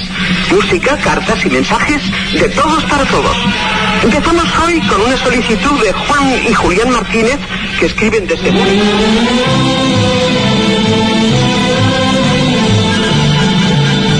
Aquest va ser un espai, un programa de Ràdio Nacional d'Espanya a Barcelona, diari, que va durar 13 anys i mig. Dirigit, com sabeu perfectament, als emigrants sobretot, però en general als espanyols que ens escoltaven des de fora del territori de l'estat espanyol. Va començar com una idea d'en Jordi Arandes, parlant amb en Josep Maria Tavera, gran poeta i gran una persona importantíssima en aquesta casa, per atendre cartes que arribaven, sobretot de migrants, repeteixo, demanant informació sobre diversos temes, demanant si podien saludar als seus familiars, a partits per tot Espanya, etc etc. Llavors es va acordar contestar contestar aquestes cartes i posar alguna música que demanaven. No era concretament discos dedicats, sinó que alguna música que podia ambientar els missatges que enviaven. Un espanyol que no tenia vacances aquell any, que no podia anar a visitar la seva família Andalusia, Galícia, a Catalunya, allà on fos. Es va començar amb aquesta il·lusió, arribaven 3, 4, 5 cartes diàries fins que l'espai va tenir un increment extraordinari extraordinari, de veritat, de veritat, des d'Alemanya, des de França, des de Suïssa, des d'Itàlia, se'ns estava escoltant, des del nord d'Àfrica, fins a arribar a un moment que ens vam apropiar d'un verb que se'n deia pescar, dirigit al programa, que els mariners, els mariners espanyols que viatjaven arreu del món, escrivien cartes dient us he perdut durant tantes setmanes només, us he seguit durant tants mesos, he pescat el d'Espanya per a los espanyoles. Total, que això va portar un increment, llavors es va demanar, se'm va demanar a mi si podia posar la meva veu, si em podia fer càrrec del programa que havia anat augmentant, augmentant, augmentant, i els hi va semblar que la veu, una veu femenina, potser era adequada per portar els desitjos, les salutacions, les abraçades d'un pare a un fill, d'una esposa, l'esposa, d'un fill a una mare, etc etc. I vaig començar a fer-me càrrec jo es feia un recull més o menys de les músiques que desitjaven es recollien les cartes sempre com que van augmentant la rebuda de cartes i ho dic així ben sincerament i són testimonis tota la gent d'aquesta casa es van arribar a rebre 700 cartes diàries i a l'arribar abans de Nadal i abans de Sant Josep, el dia del pare Sant Josep, a les 1.500 llavors es seleccionaven les cartes que venien de més lluny que eren que potser les que eren més necessàries de contestar i així es va anar fent aquest programa. Als 5 anys es va fer un homenatge al programa d'Espanya per als espanyoles als 10 se'n va fer un altre i llavors als 13 anys i mig es va acabar. Aquesta és la història. A mi em va quedar gravat al cor. I oients n'hi ha molts, molts, molts que encara se'n recorden doncs així sentíem la veu de Maria Matilde Almendros. Corregeix-me, Elvira, si m'equivoco, però entenc que és ella mateixa parlant d'un programa anterior que ella mateixa havia posat aquesta veu, eh?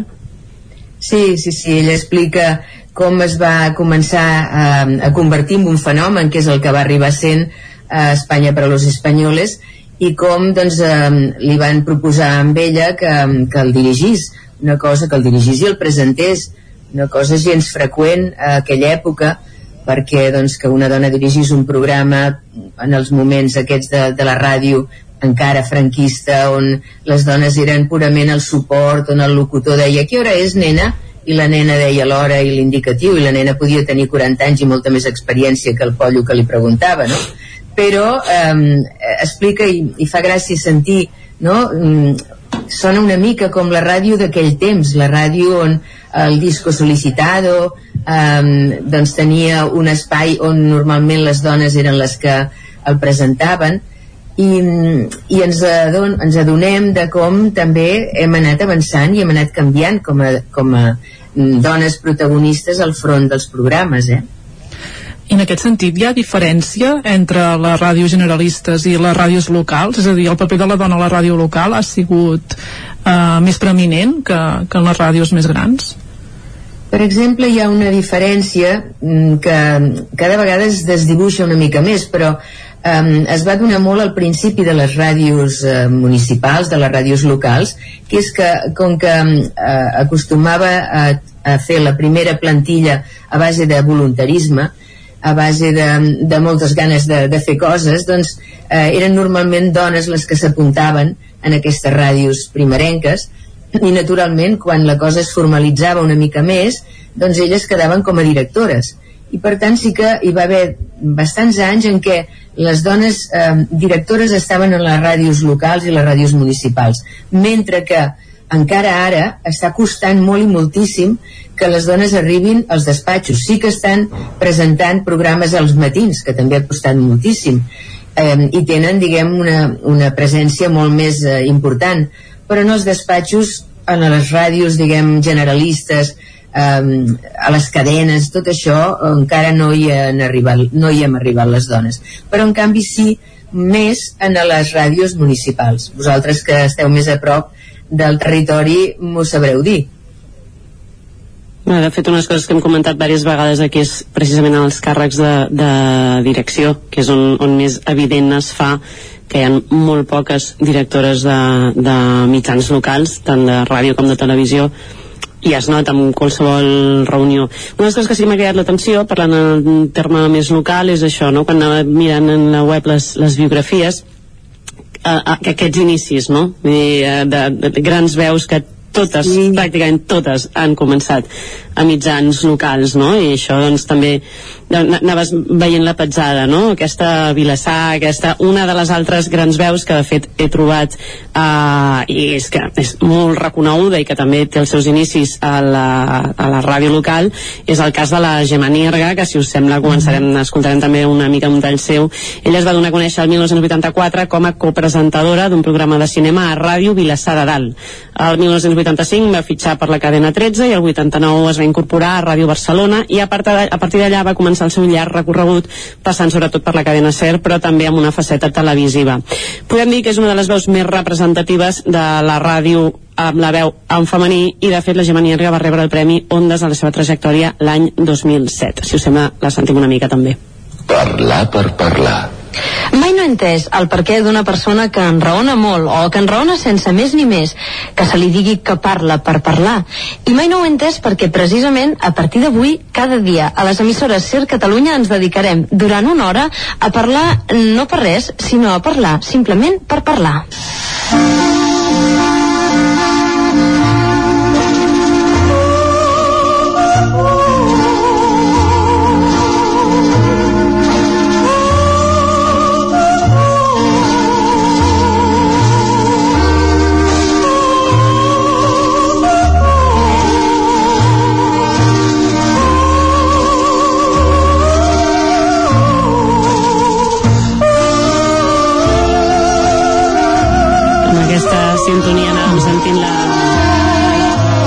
Gemma, que és de les veus que segurament s'ha fet més, més coneguda eh, i que com dèiem bé també una de les altres que ha començat a, a la ràdio local com a punt de, de partida Natàlia segurament també has trobat algunes més a la web així que, que, que, que començaven d'aquesta manera eh? Sí, sí, sí, de fet, vaja, la, les ràdios locals són una pedrera en, en molts sentits, per tant també per, per les dones periodistes i, i vaja, uh, per nosaltres Maria també també ha estat així, no? Um, una pregunta que també li volia fer a l'Alvira, més en un context històric, la ràdio ha creat espais que s'adrecen específicament a les dones, al públic femení. Per què? Des del principi, fixa't que, com us deia, la ràdio comença el 14 de novembre de 1924, Ràdio Barcelona, Tres dies després ja es feia un espai que es deia Charles Femenines. La ràdio comença eh, en època de dictadura de Primo de Rivera, per tant comença en castellà i amb censura informativa, però eh, un periodista eh, fa això de les xarles femenines que segons ell mateix deia eren eh, temes intrascendentes frívolos, tal, una mica per eh, seguir amb l'estereotip no de les dones no? que no eren importants. Però el que sí que era important per la ràdio i en seguida se'n van adonar era l'audiència femenina. Això sí, les, mm, la ràdio naturalment es, eh, diguem, es subvencionava molt amb la publicitat, com passa ara, i les dones doncs, eh, eren i som eh, les que sovint doncs, consumim els productes que necessita la família i tot això.